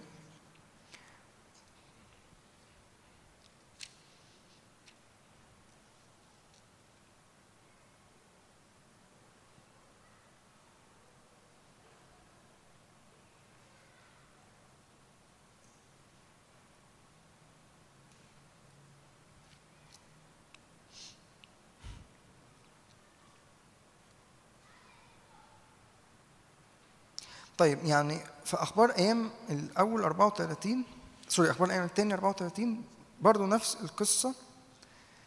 بيقول بقى جاء شفان بالسفر إلى الملك ورد إلى الملك جوابا قائلا كل ما أسلم ليد عبيدكم يفعلونه وقد أفرغوا الفضة الموجودة في بيت الرب ودفعوها ليد الوكلاء ويد عاملي الشغل ف ف هنا برضو نفس المشهد انه الشعب بيقدم في ترميم بيت الرب هيحصل في حاجة تحصل بس الشعب بيعمل إيه؟ بيقدم وبيدي و... آمين؟ أوكي ندخل طيب. أنتوا عارفين إيه الآية اللي في في الكتاب المقدس؟ الرب يسوع قالها بس مش مكتوبة في الأناجيل. حد عارفها؟ صح. برافو.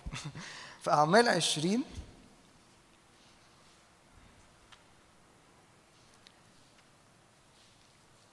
ودي آية موجودة في الكتاب المقدس.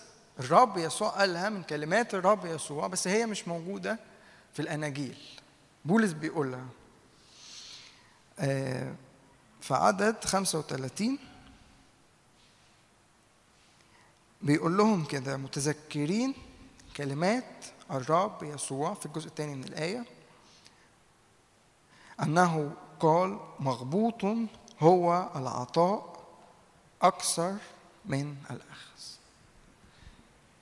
يعني بولس بنفسه بيأكد إنه ديت كلمات الرب يسوع نفسه.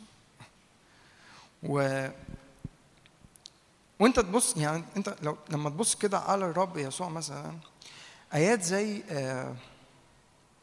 مرقس مرقس 12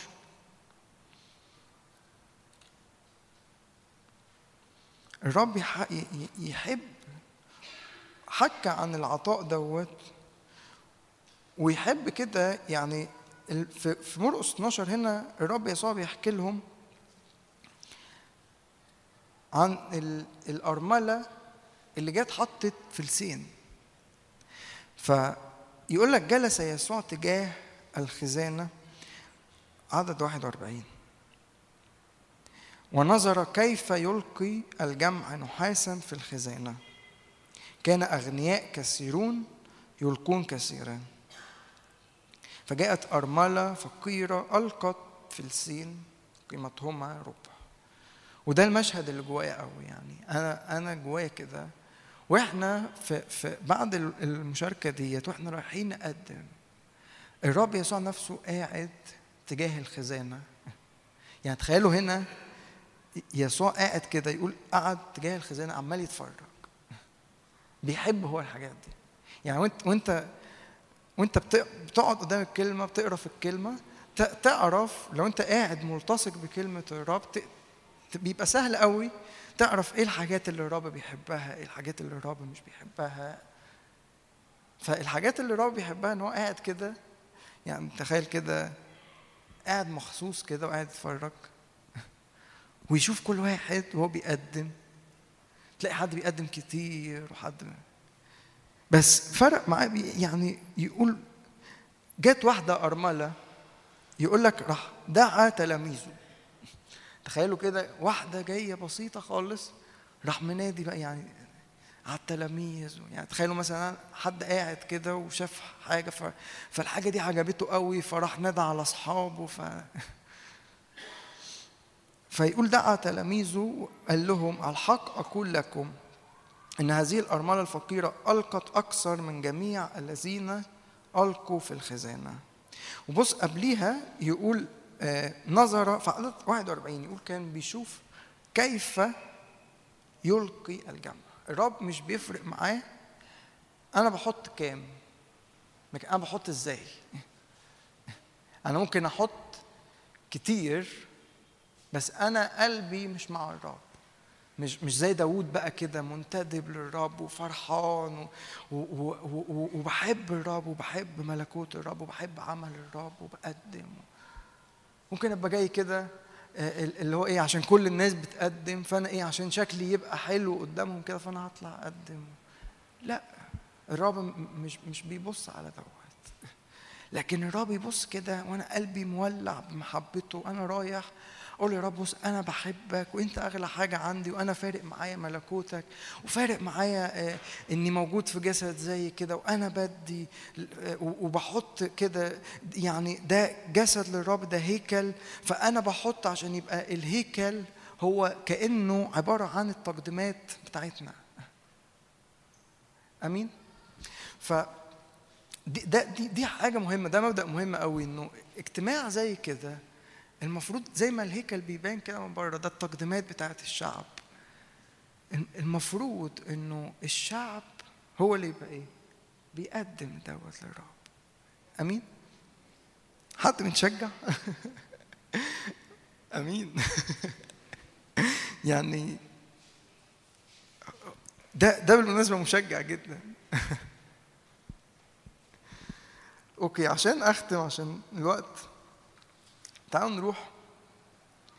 أه هحكي شوية عن بولس. إحنا كده حكينا شوية في العهد القديم عن الخيمة وعن الهيكل ويوشيا. وحكينا عن الرب يسوع و... طب قبل قبل العهد الجديد هاخد آيات من سفر الأمثال إصحاح 11 و... ونروح بولس. احكي شوية عن بولس وعن آه كنايس كنيسة فيليبي أو يعني كنايس مقدونيا مقدونيا ديت كانت مقاطعة وكان فيها كذا بلد منهم فيليبي. يعني فيليبي ديت كانت أول بلد في المقاطعة ديت وأنت جاي من عند البحر كده أول حاجة هتقابلها هي فيليبي. آه كانت ال- العاصمة بتاعت مقدونيا هي تسالونيكي. ف فهنكون بنحكي شوية عن مقدونيا وبالأخص فيليبي بس هاخد آيات من أمثال 11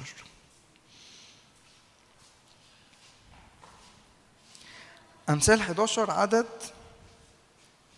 24 يوجد من إيه؟ يفرق ف- فإيه اللي بيحصل؟ بيزداد. قولها كده قول اللي جنبك كده.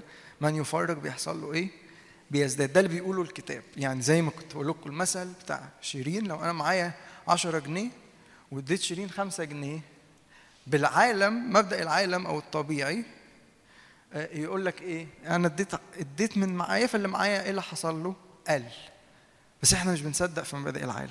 ارفع إيدك كده قول في اسم الرب يسوع أنا بحيا بمبادئ الكلمة. ماليش دعوة بمبادئ العالم لكن أنا بحيا باللي بيقوله الكتاب بمبادئ الملكوت اللي هي مختلفة خالص عن الطبيعي. يعني مثلا في أوقات كده تلاقي العالم آه، يحب بقى آه، لما حد يكبر يبقى بقى ده عظيم وكبير ويبقى في الصورة كده. بس مبادئ الملكوت يقول لك لا كل ما تنزل كل ما تطلع. صح؟ العالم يحب بقى يطلع ويبقى فوق. فاحنا مالناش دعوة. فهنا المبدأ بتاع الملكوت ببساطة ببساطة. من يفرق؟ يوجد من يفرق فإيه اللي بيحصل له؟ يزداد أيضا. لما أنا بدي للرب اللي معايا إيه اللي بيحصل له؟ بيزيد. وأنا الوقت اللي فات يعني أكتر من مشاركة حد كان بيشاركني يقول لي إنه آه، كان حد مثلا بيدي نسبة للرب. عارفين في العهد القديم كان في حاجة اسمها العشور إنه أدي العشر للرب. في العهد الجديد ده أنا وفلوسي وكل حاجة مش بس العشور أنا كل كلي للرب. فكان حد بيحكي لي بيحط نسبة للرب فقال لي يعني مثلا كان بيحط 10% فقال لي كان بيتبقى معايا 90 فقال لي ال 90 ديت كانت آه، يا دوب بتكفيني. فقرر إنه يعمل إيه؟ قال أنا هحط 20 فحط 20 فبقى معاه 80 قال فراحت ال 80 اللي كانت معايا راحت زادت. يعني بدل مثلا ما هو بياخد 3000 بقى بياخد 4000 قال فرحت قررت أزود تاني فحط 30 فالمفروض اللي معايا هيقل هيبقى كام؟ 70 فهو قال أنا هحط 30 فالطبيعي إن هو إيه؟ مش هيكفي لأنه يا دوب بيكفي بالعافية. فإيه اللي حصل؟ راح ادى فاللي معاه إيه اللي حصل؟ ده ده دي اختبارات أنا بشوفها كتير قوي يعني أكتر من حد الأسبوعين اللي فاتوا شاركوني نفس ده يعني إنه أنا بدي وبدي على قد اللي مع يعني كل ما بزود اللي معايا المفروض يقل. يعني النسبة اللي معايا لو أنا اديت 40 هيبقى معايا 60 لكن أنا لما بدي 40 أنا كنت بدي 30 فهدي 40 فاللي معايا المفروض هيقل. بس لا هلاقي المرتب بقى زاد الرب بارك في الحاجات اللي معايا في القليل اللي معايا دي مبادئ الملكوت كم الآية يقول لك من يمسك أكثر من اللازم وإنما إيه؟ إلى الفقر يعني لو أنا مش بدي أنا إيه؟ اللي معايا بيقل بيتاخد عدد 25 النفس السخية تسمن والمروي هو أيضا يروى. يعني أنا لما بدي أنا باخد. محتكر الحنطة يلعنه الشعب. محتكر الحنطة ده يعني اللي مش بيرضى يطلع الحنطة ويخبيها عنده. يقول بس البركة على إيه؟ رأس البائع اللي بيطلع ويدي. ف... فتبقى ده بالنسبة يعني ده كده يبقى جواك ده 100% دي ما فيهاش نقاش. وأنا رايح ادي للرب لو أنا هدي 10 جنيه وأنا معايا 20 هروح ب 10 بس لا أنا اللي معايا هيزيد مش هيقل. امين؟ ده ده اللي بتقوله الكلمة. حد مصدق في حاجة غير كلمة الرب؟ ده مش كلامي. يعني ده مش حاجة أنا مخترعها أو جاي لا ده كلمة الرب. إحنا جايين بنعمل إيه في اجتماع زي كده؟ فاتح الكلمة قدامك وجايين بنقعد قدام الكلمة نشوف الكتاب بيقول إيه. آمين. عشان الوقت أروح بولس في كورنثوس. كورنثوس الثانية.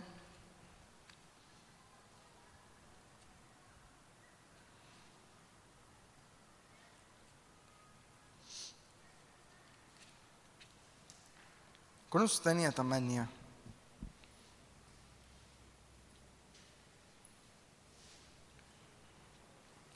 بيقول لهم كده ثم نعرفكم أيها الإخوة نعمة الله المعطاة في كنائس مقدونية. وزي ما قلت لك كنائس مقدونية ديت مقدونية ديت كانت مقاطعة.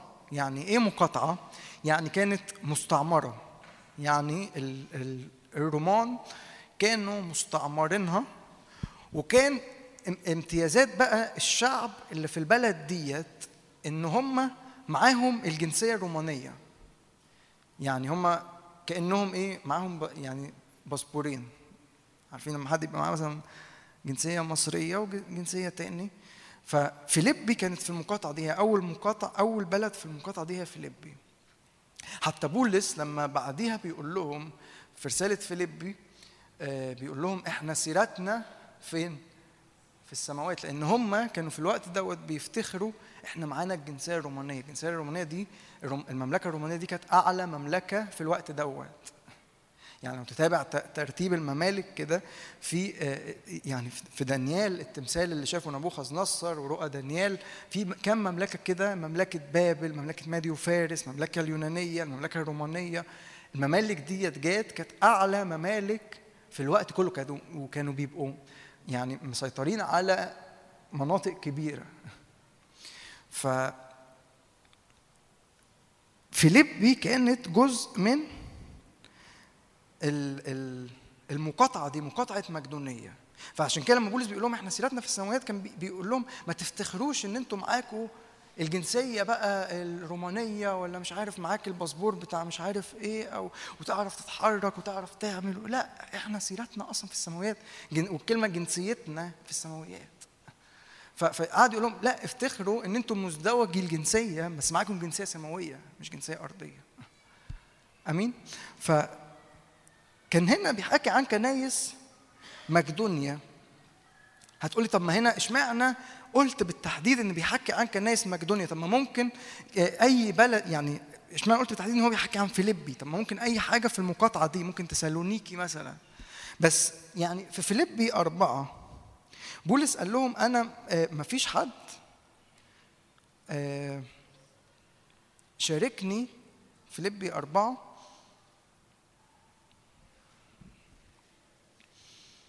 عدد 15 بيقول لهم أنتم أيضا تعلمون أيها الفيلبي الفيلبيون أنه في بداية الإنجيل لما خرجت من مقدونية لم تشاركني كنيسة واحدة في عطاء في حساب العطاء والأخذ.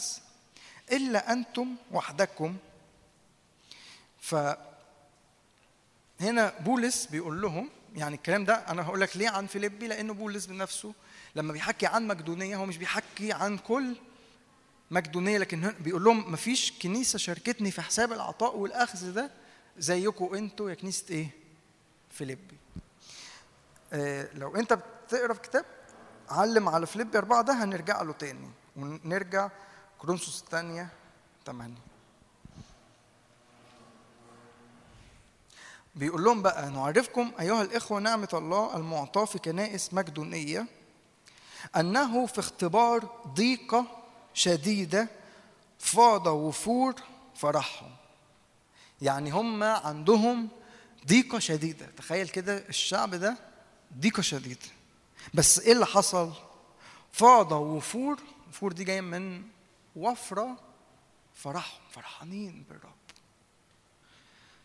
عشان كده لما تلاقي بيحكي عن بولس هو بيكتب لفيليبي يقول لك دي رسالة الفرح. فتلاقي أغلب عمال يكرر افرحوا افرحوا افرحوا. مش بس كده يقول وفقرهم العميق لإيه؟ لغنى سخائهم. الطبيعي كده لو أنت بتبص على كنيسة فيليبي و و و يعني مثلا لو يقول لك يا عم عطاء إيه وبتاع إيه ده؟ إحنا في فقر عميق إحنا ما عندناش حاجة. بس الكتاب يقول لك فيليبي برغم أو كنائس مقدوني برغم فقرهم العميق دوت قاد لغنى سخائهم فممكن تقولي أنا دلوقتي ده بعدي بأزمة مادية وكل حاجة بتغلى ومعيش فلوس وكأن زي هنا فقر عميق. لو أنا بقى ماشي بمبادئ الكلمة هعمل إيه؟ أقول طيب أنا هحط أكتر. صح ولا إيه الأخبار؟ حد لسه معايا؟ أنا طولت عليكم. أنا يعني خلاص بخلص. هقول الحتة ديت هحكي كام نقطة في بولس كده وهختم. ف الطبيعي هم بيعدوا ضيقة شديدة وفقر عميق. تخيل تخيل حضرتك أو حضرتك الوقت ده كده حد جه يزورك فلقى ضيقة شديدة وفقر عميق. هيقعد هيقعد طبطب عليك فتخيل بقى يجي لك الحد ده يلاقيك مليان بالفرح وعمال تدي. اللي هو يا عم إحنا في إيه ولا في إيه؟ بس هم هم هم الشعب كده. هم مش فارق معاهم. ال- العطاء دوت مش فارق معايا أنا معايا قد إيه. يعني بالمناسبة لو أنا بمشي بمبدأ العطاء ده والمبدأ ده بطبقه في حياتي مش هي مش هبقى مهتم أنا معايا فلوس ولا معيش. أنا هبقى مهتم ادي ولما ادي أبقى مصدق إنه رب كده كده هيسدد احتياجاتي. عارفين يعني أوقات ممكن يبقى ناس معهاش مثلا فلوس. كنت بسمع اختبارات كتير كده. و... وراح إيه الرب يا دوب بعد لهم حاجة بسيطة على قد احتياجهم فبدل ما يصرفوه ويجيبوا بيهم حاجات راحوا عملوا إيه؟ راحوا باركوا بالمبلغ كله. ده ده هل ده بيحصل؟ آه ده بيحصل وأنا بشوفه. عشان كده هو ده ده قليل قوي يعني أنا مش بشوف ده في اسكندرية بس أمين أنا مصدق الرب يوسعنا كده ف ف فندي بكل قلبنا يبقى زي زي ما حاصل أو زي ما بشوف في حتت تاني يبقى حاصل هنا كمان في اسكندرية. مش قصدي يعني إنه ما لا يعني قصدي آه، مش قصدي بصورة آه، فردية أو لا 100% في أشخاص بيدوا للرب بس قصدي إنه كنت في مثلا في المنيا أو كده بشوف ناس بالكامل كده مؤتمرات كاملة أو حاجة بشكل جماعي كده زي خيمة الاجتماع زي الهيكل. الشعب كله بيقدم. فبولس بقى بيقول انهم أعطوا حسب الطاقة في عدد ثلاثة أنا أشهد وفوق الطاقة. يعني مش بس بقى بكل كو- لا ده فوق الطاقة كمان.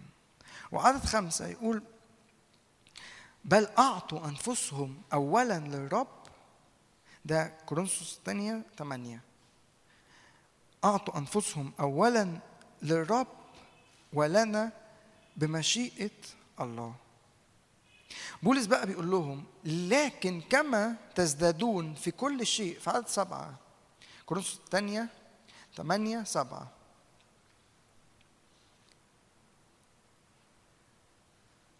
كورنثوس الثانية إصحاح ثمانية. مفيش سيرش طيب عن ال مش مهم. أنتوا معاكم كتب صح؟ أنا دايما بشجع إنه يبقى معاكم الكتب.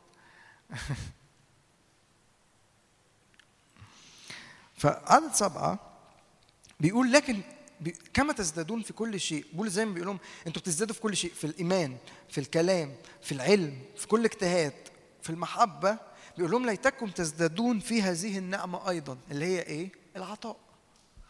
بولس زي ما بيقول لهم أنتوا زي ما بتزدادوا في كل حاجة تاني بولس بيحكي لهم عن كن عن كنايس مقدونيا وان هم كانوا قد إيه اسخياء وبيدوا للرب. بيقول لهم زي ما حاصل فيكم كده يعني بولس في كورنثوس في كورنثوس الأولى في بدايتها قال لهم ده أنتوا تامين وما فيش حاجة ناقصة في كل موهبة وفي كل حاجة وفي كل علم عندكم كل حاجة. بس هنا بقى ير- بيرجع يقول لهم زي ما أنتوا بتزدادوا في كل شيء في الحاجات ديت تزدادوا أيضا في إيه؟ في النعمة في العطاء إنه أدي للرب.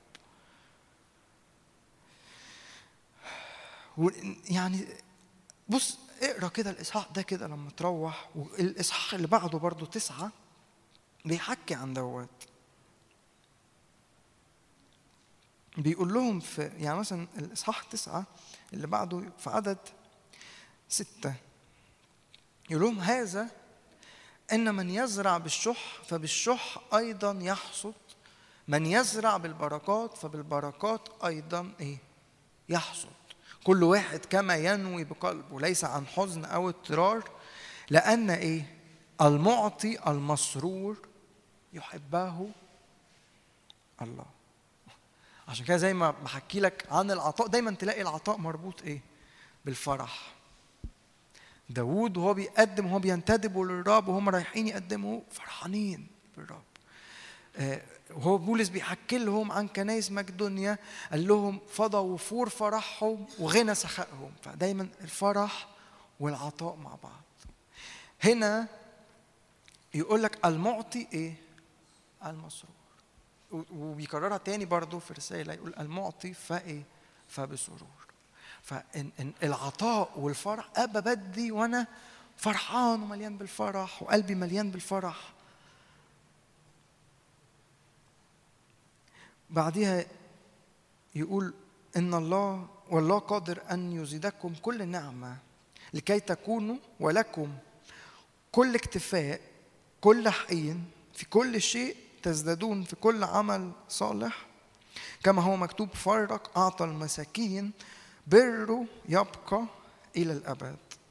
وعدد 11 يقول مستغنين في كل شيء لكل سخاء ينشئ بنا شكرا لله. وهقول لكم دايما كده آه تلاقي آه بولس وهو بيحكي عن لما الرب يبارك لما الرب يدي تلاقيه بيحكي بعديها إنه أنا أدي عن العطاء. يعني الرب لما يباركني مش بيباركني عشان باركني كده وخلاص لا. عشان العطاء في حياتي إيه اللي يحصل؟ يزداد. أمين؟ ف آه، تلاقي مثلا بولس في عبرانيين 13 ده حط يعني يقول لك كده آه، كونوا مكتفين بما عندكم لأنه قال لا أهملك ولا أتركك. بعديها نعم. إيه؟ آه أيوه فهو تلاقي بيحكي عن مستوى اسمه اكتفاء انه أنا مكتفي لأنه قال لا اهملك ولا اتركك. يعني في عبرانيين 13 تعالوا نبص عليها بسرعة. آه لذلك نقول واثقين. أمين أمين.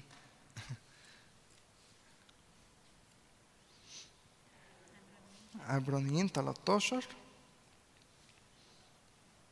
آه في عدد خمسة.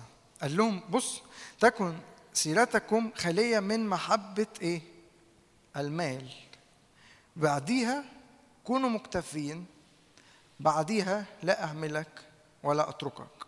فهو إيه؟ تكن سيرتكم خالية من محبة المال بعديها اكتفاء بعديها لا أهملك ولا أتركك. دي اللي هو الرب يسدد إيه؟ احتياجاتي صح؟ فهو دايما هم واجهين لعملة واحدة إنه اكتفاء وتسديد الاحتياجات. هم واجهين لعملة واحدة.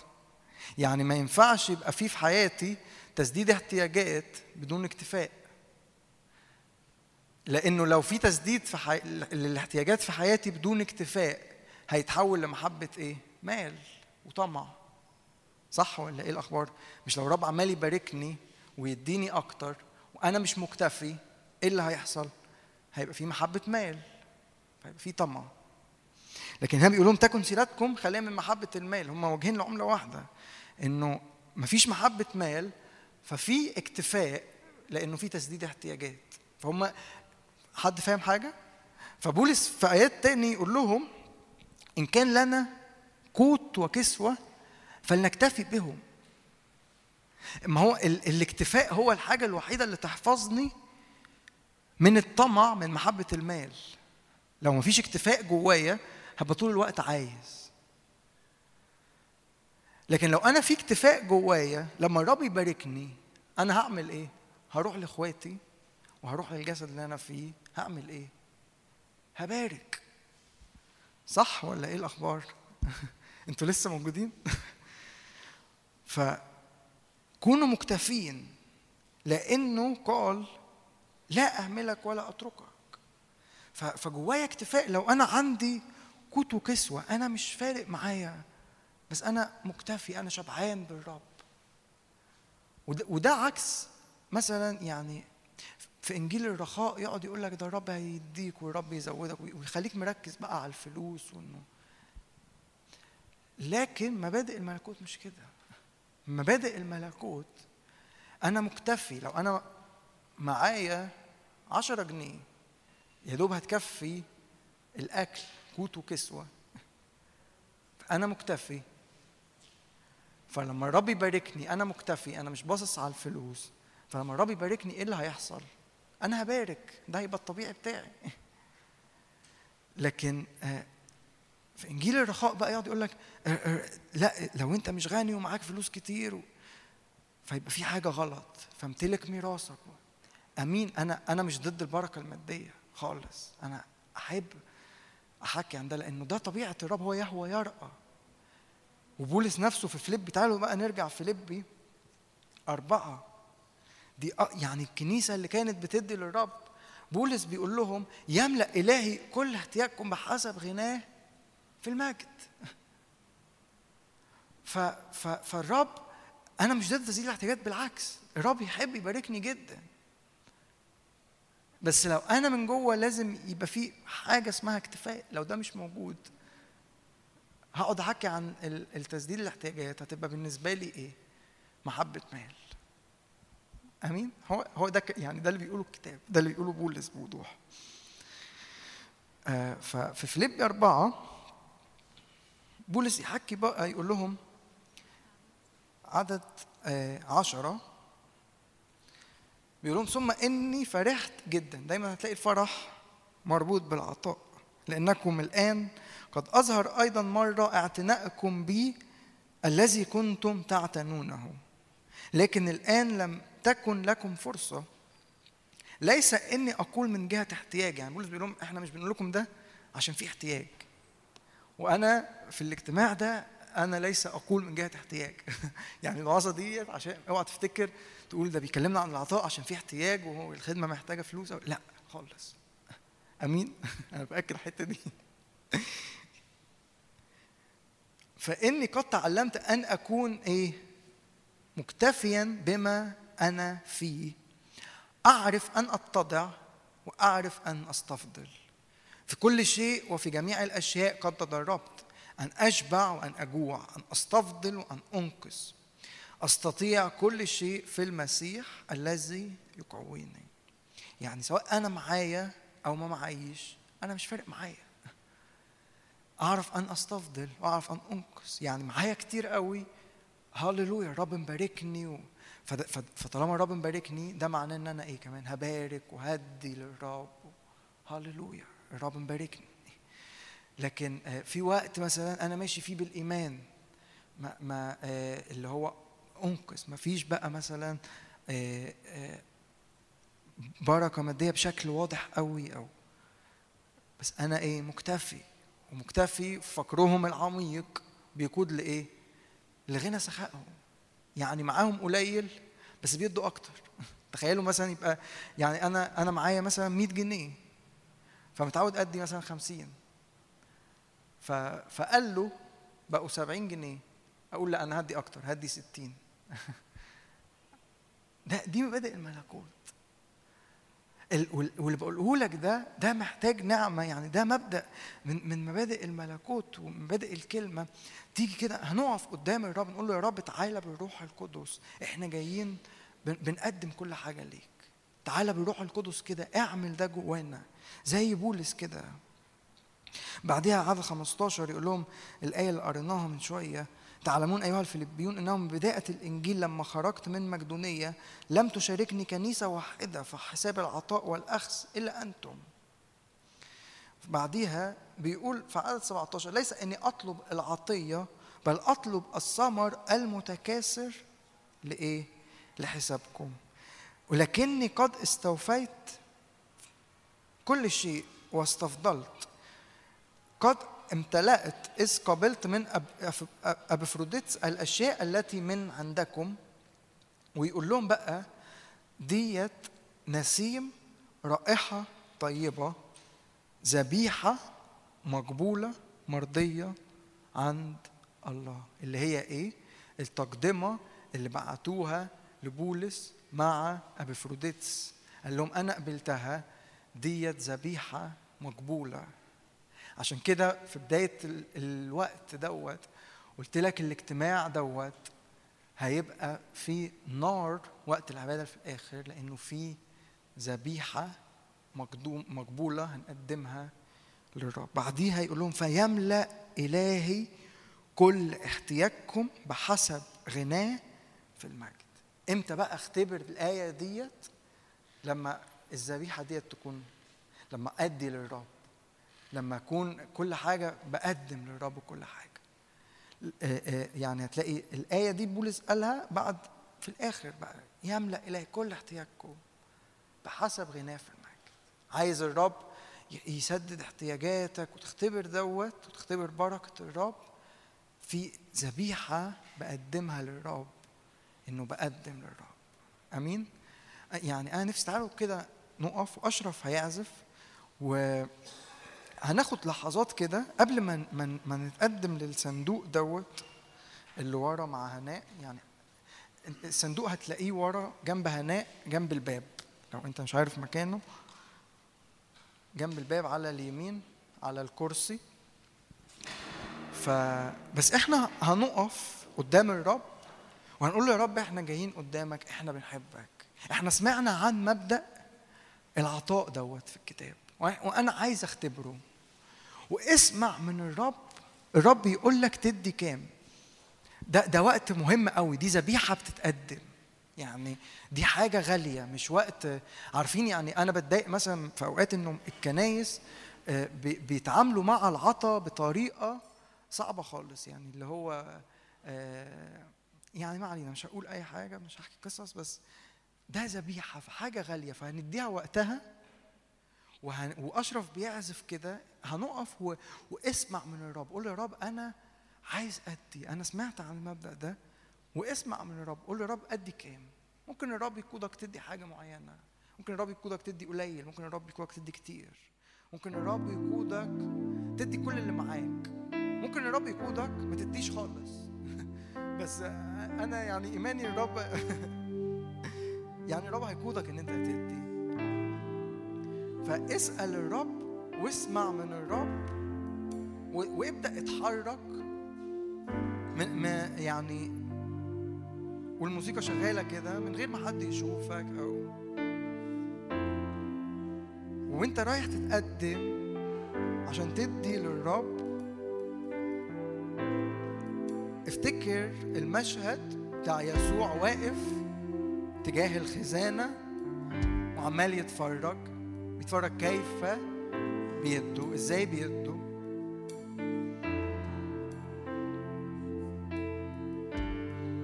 قول له يا رب تعالى حط إيدك على قلبي في اسم الرب يسوع. فأدي أدي بكل فرح بكل فرح للرب. داود كان بيحب الرب جدا. قال أنا هيأت بكل قوتي لبيت الرب الذهب والفضة لأنه ما عنديش أغلى منك يا رب ده ده تعبير عن محبتي للرب. يعني لو أنت مثلا بتشتغل وبتتعب في شغلك عشان تا- تاخد فلوس كأنه كده تقول يا رب انت اغلى حاجة عندي وأنا بحبك فأنا جاي بقدم لك كل تعبي وكل آه، اللي أنا تعبته وجمعته أنا جاي بقدمه ليك.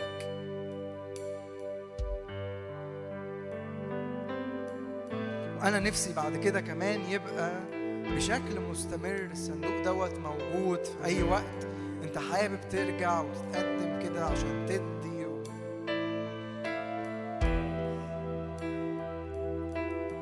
تعالى يا رب على قلوبنا ننتدب بقلب كامل للرب ونفرح نقدم بفرح. أنا رايح أقدم للرب. دي حاجة غالية قوي. داود وقف وقال له من يدك وأعطيناك. وهقرأ تاني الكلمات ديت اللي داود قالها وإحنا واقفين وبنتقدم. للصندوق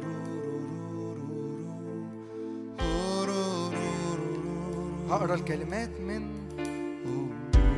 أخبار الأيام الأول. 29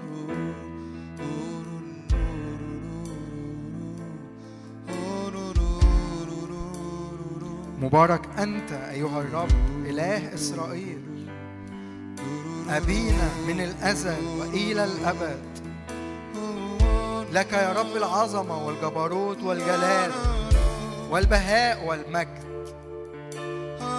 لأن لك كل ما في السماء والأرض. لك يا رب الملك. قد ارتفعت رأسا على الجميع. الغنى والكرامة من لدنك. أنت تتسلط على الجميع. والآن يا إلهنا نحمدك ونسبح اسمك الجليل. ولكن من أنا ومن هو شعبي؟ حتى نستطيع أن ننتدب هكذا. لأن منك الجميع ومن يدك أعطيناه. لأننا نحن غرباء أمامك ونزلاء مثل كل أبائنا أيامنا قد زل على الأرض وليس رجاء. أيها الرب إلهنا كل هذه الثروة التي هيأناها لنبني لك بيتا باسم قدسك إنما هي من يدك ولك الكل. وقد علمت يا إلهي أنك أنت تمتحن القلوب وتصر بالاستقامة أنا باستقامة قلبي انتدبت بكل هذه.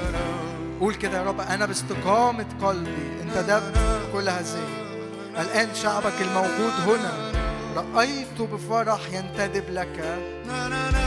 يا رب إله إبراهيم وإسحاق وإسرائيل أبائنا. احفظ هذه إلى الأبد في تصور أفكار قلوب شعبك. وأعد قلوبهم نحوك.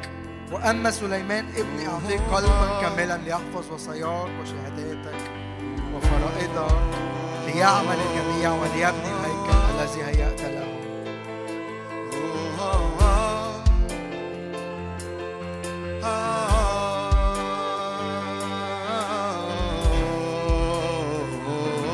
باركي يا نفس الرب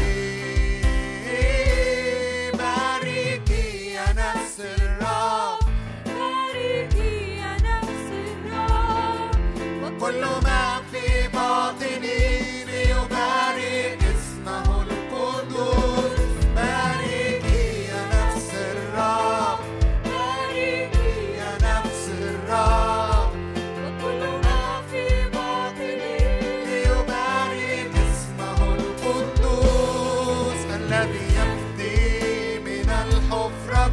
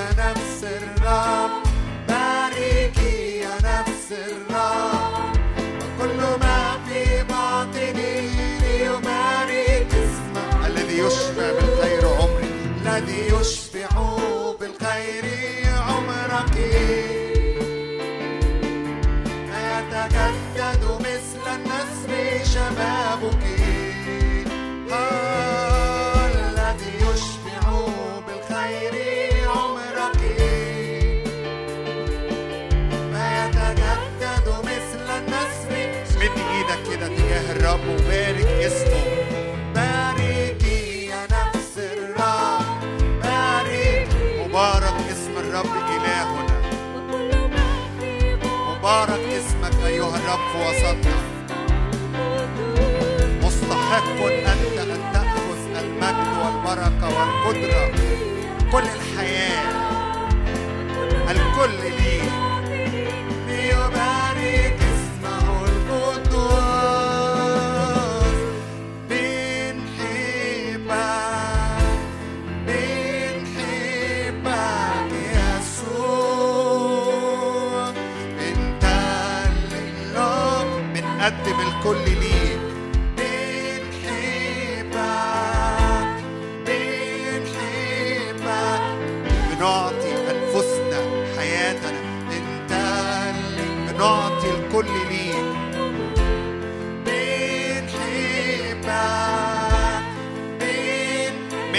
بك ولك يسوع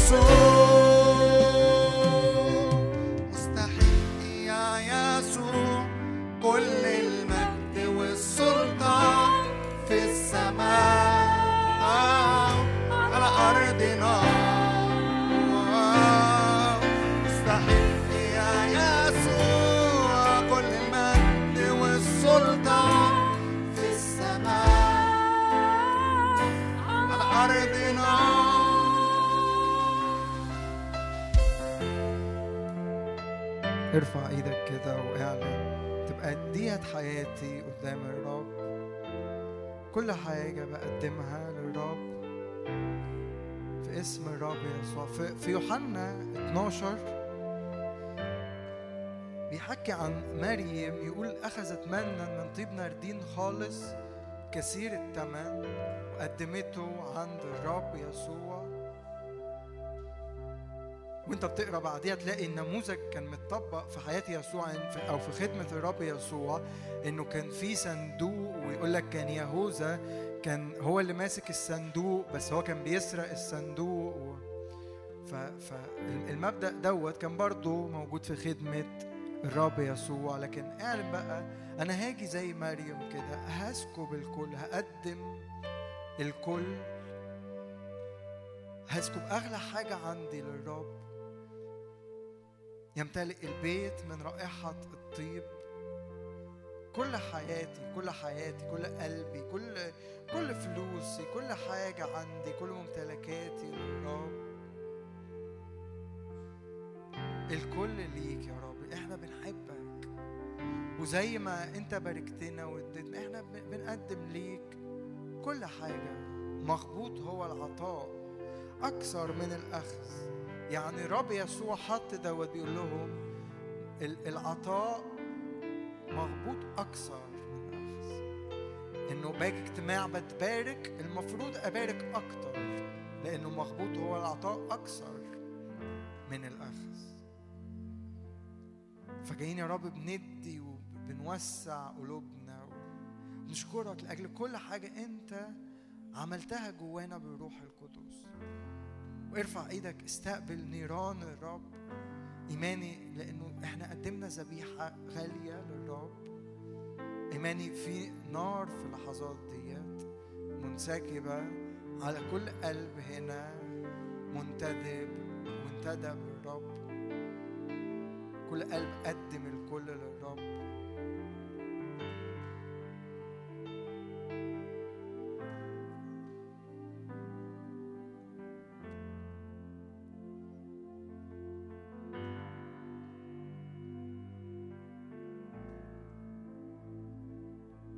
مستحق اسمك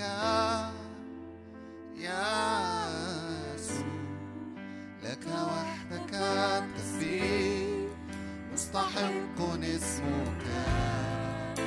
مستحق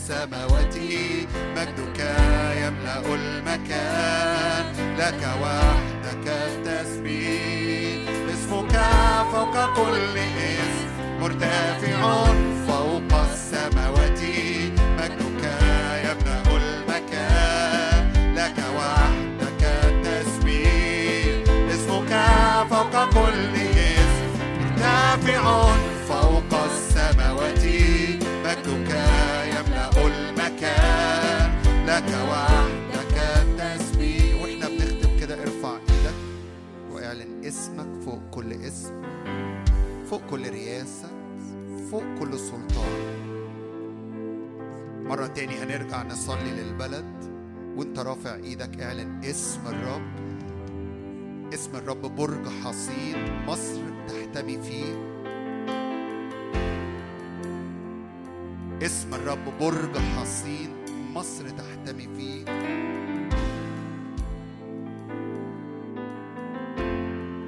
اسم الرب قوة الرب يبطل مؤامرة الأشرار. مجرد إنك تردد يسوع. يسوع في أجواء وسماويات أرض مصر. يسوع يحيط بأرض مصر. هذا الاسم يحفظ. يحفظ. يحفظ أرض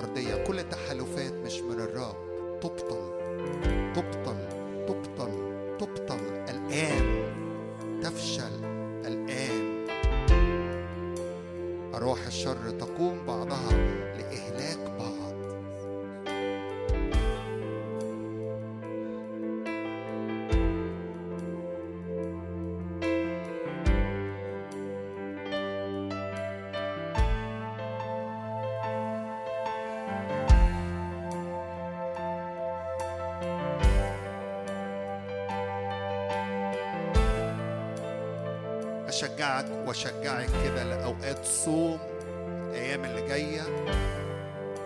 أشجعك وأشجعك لأوقات سجود قدام الرب وتضرعات وصلوات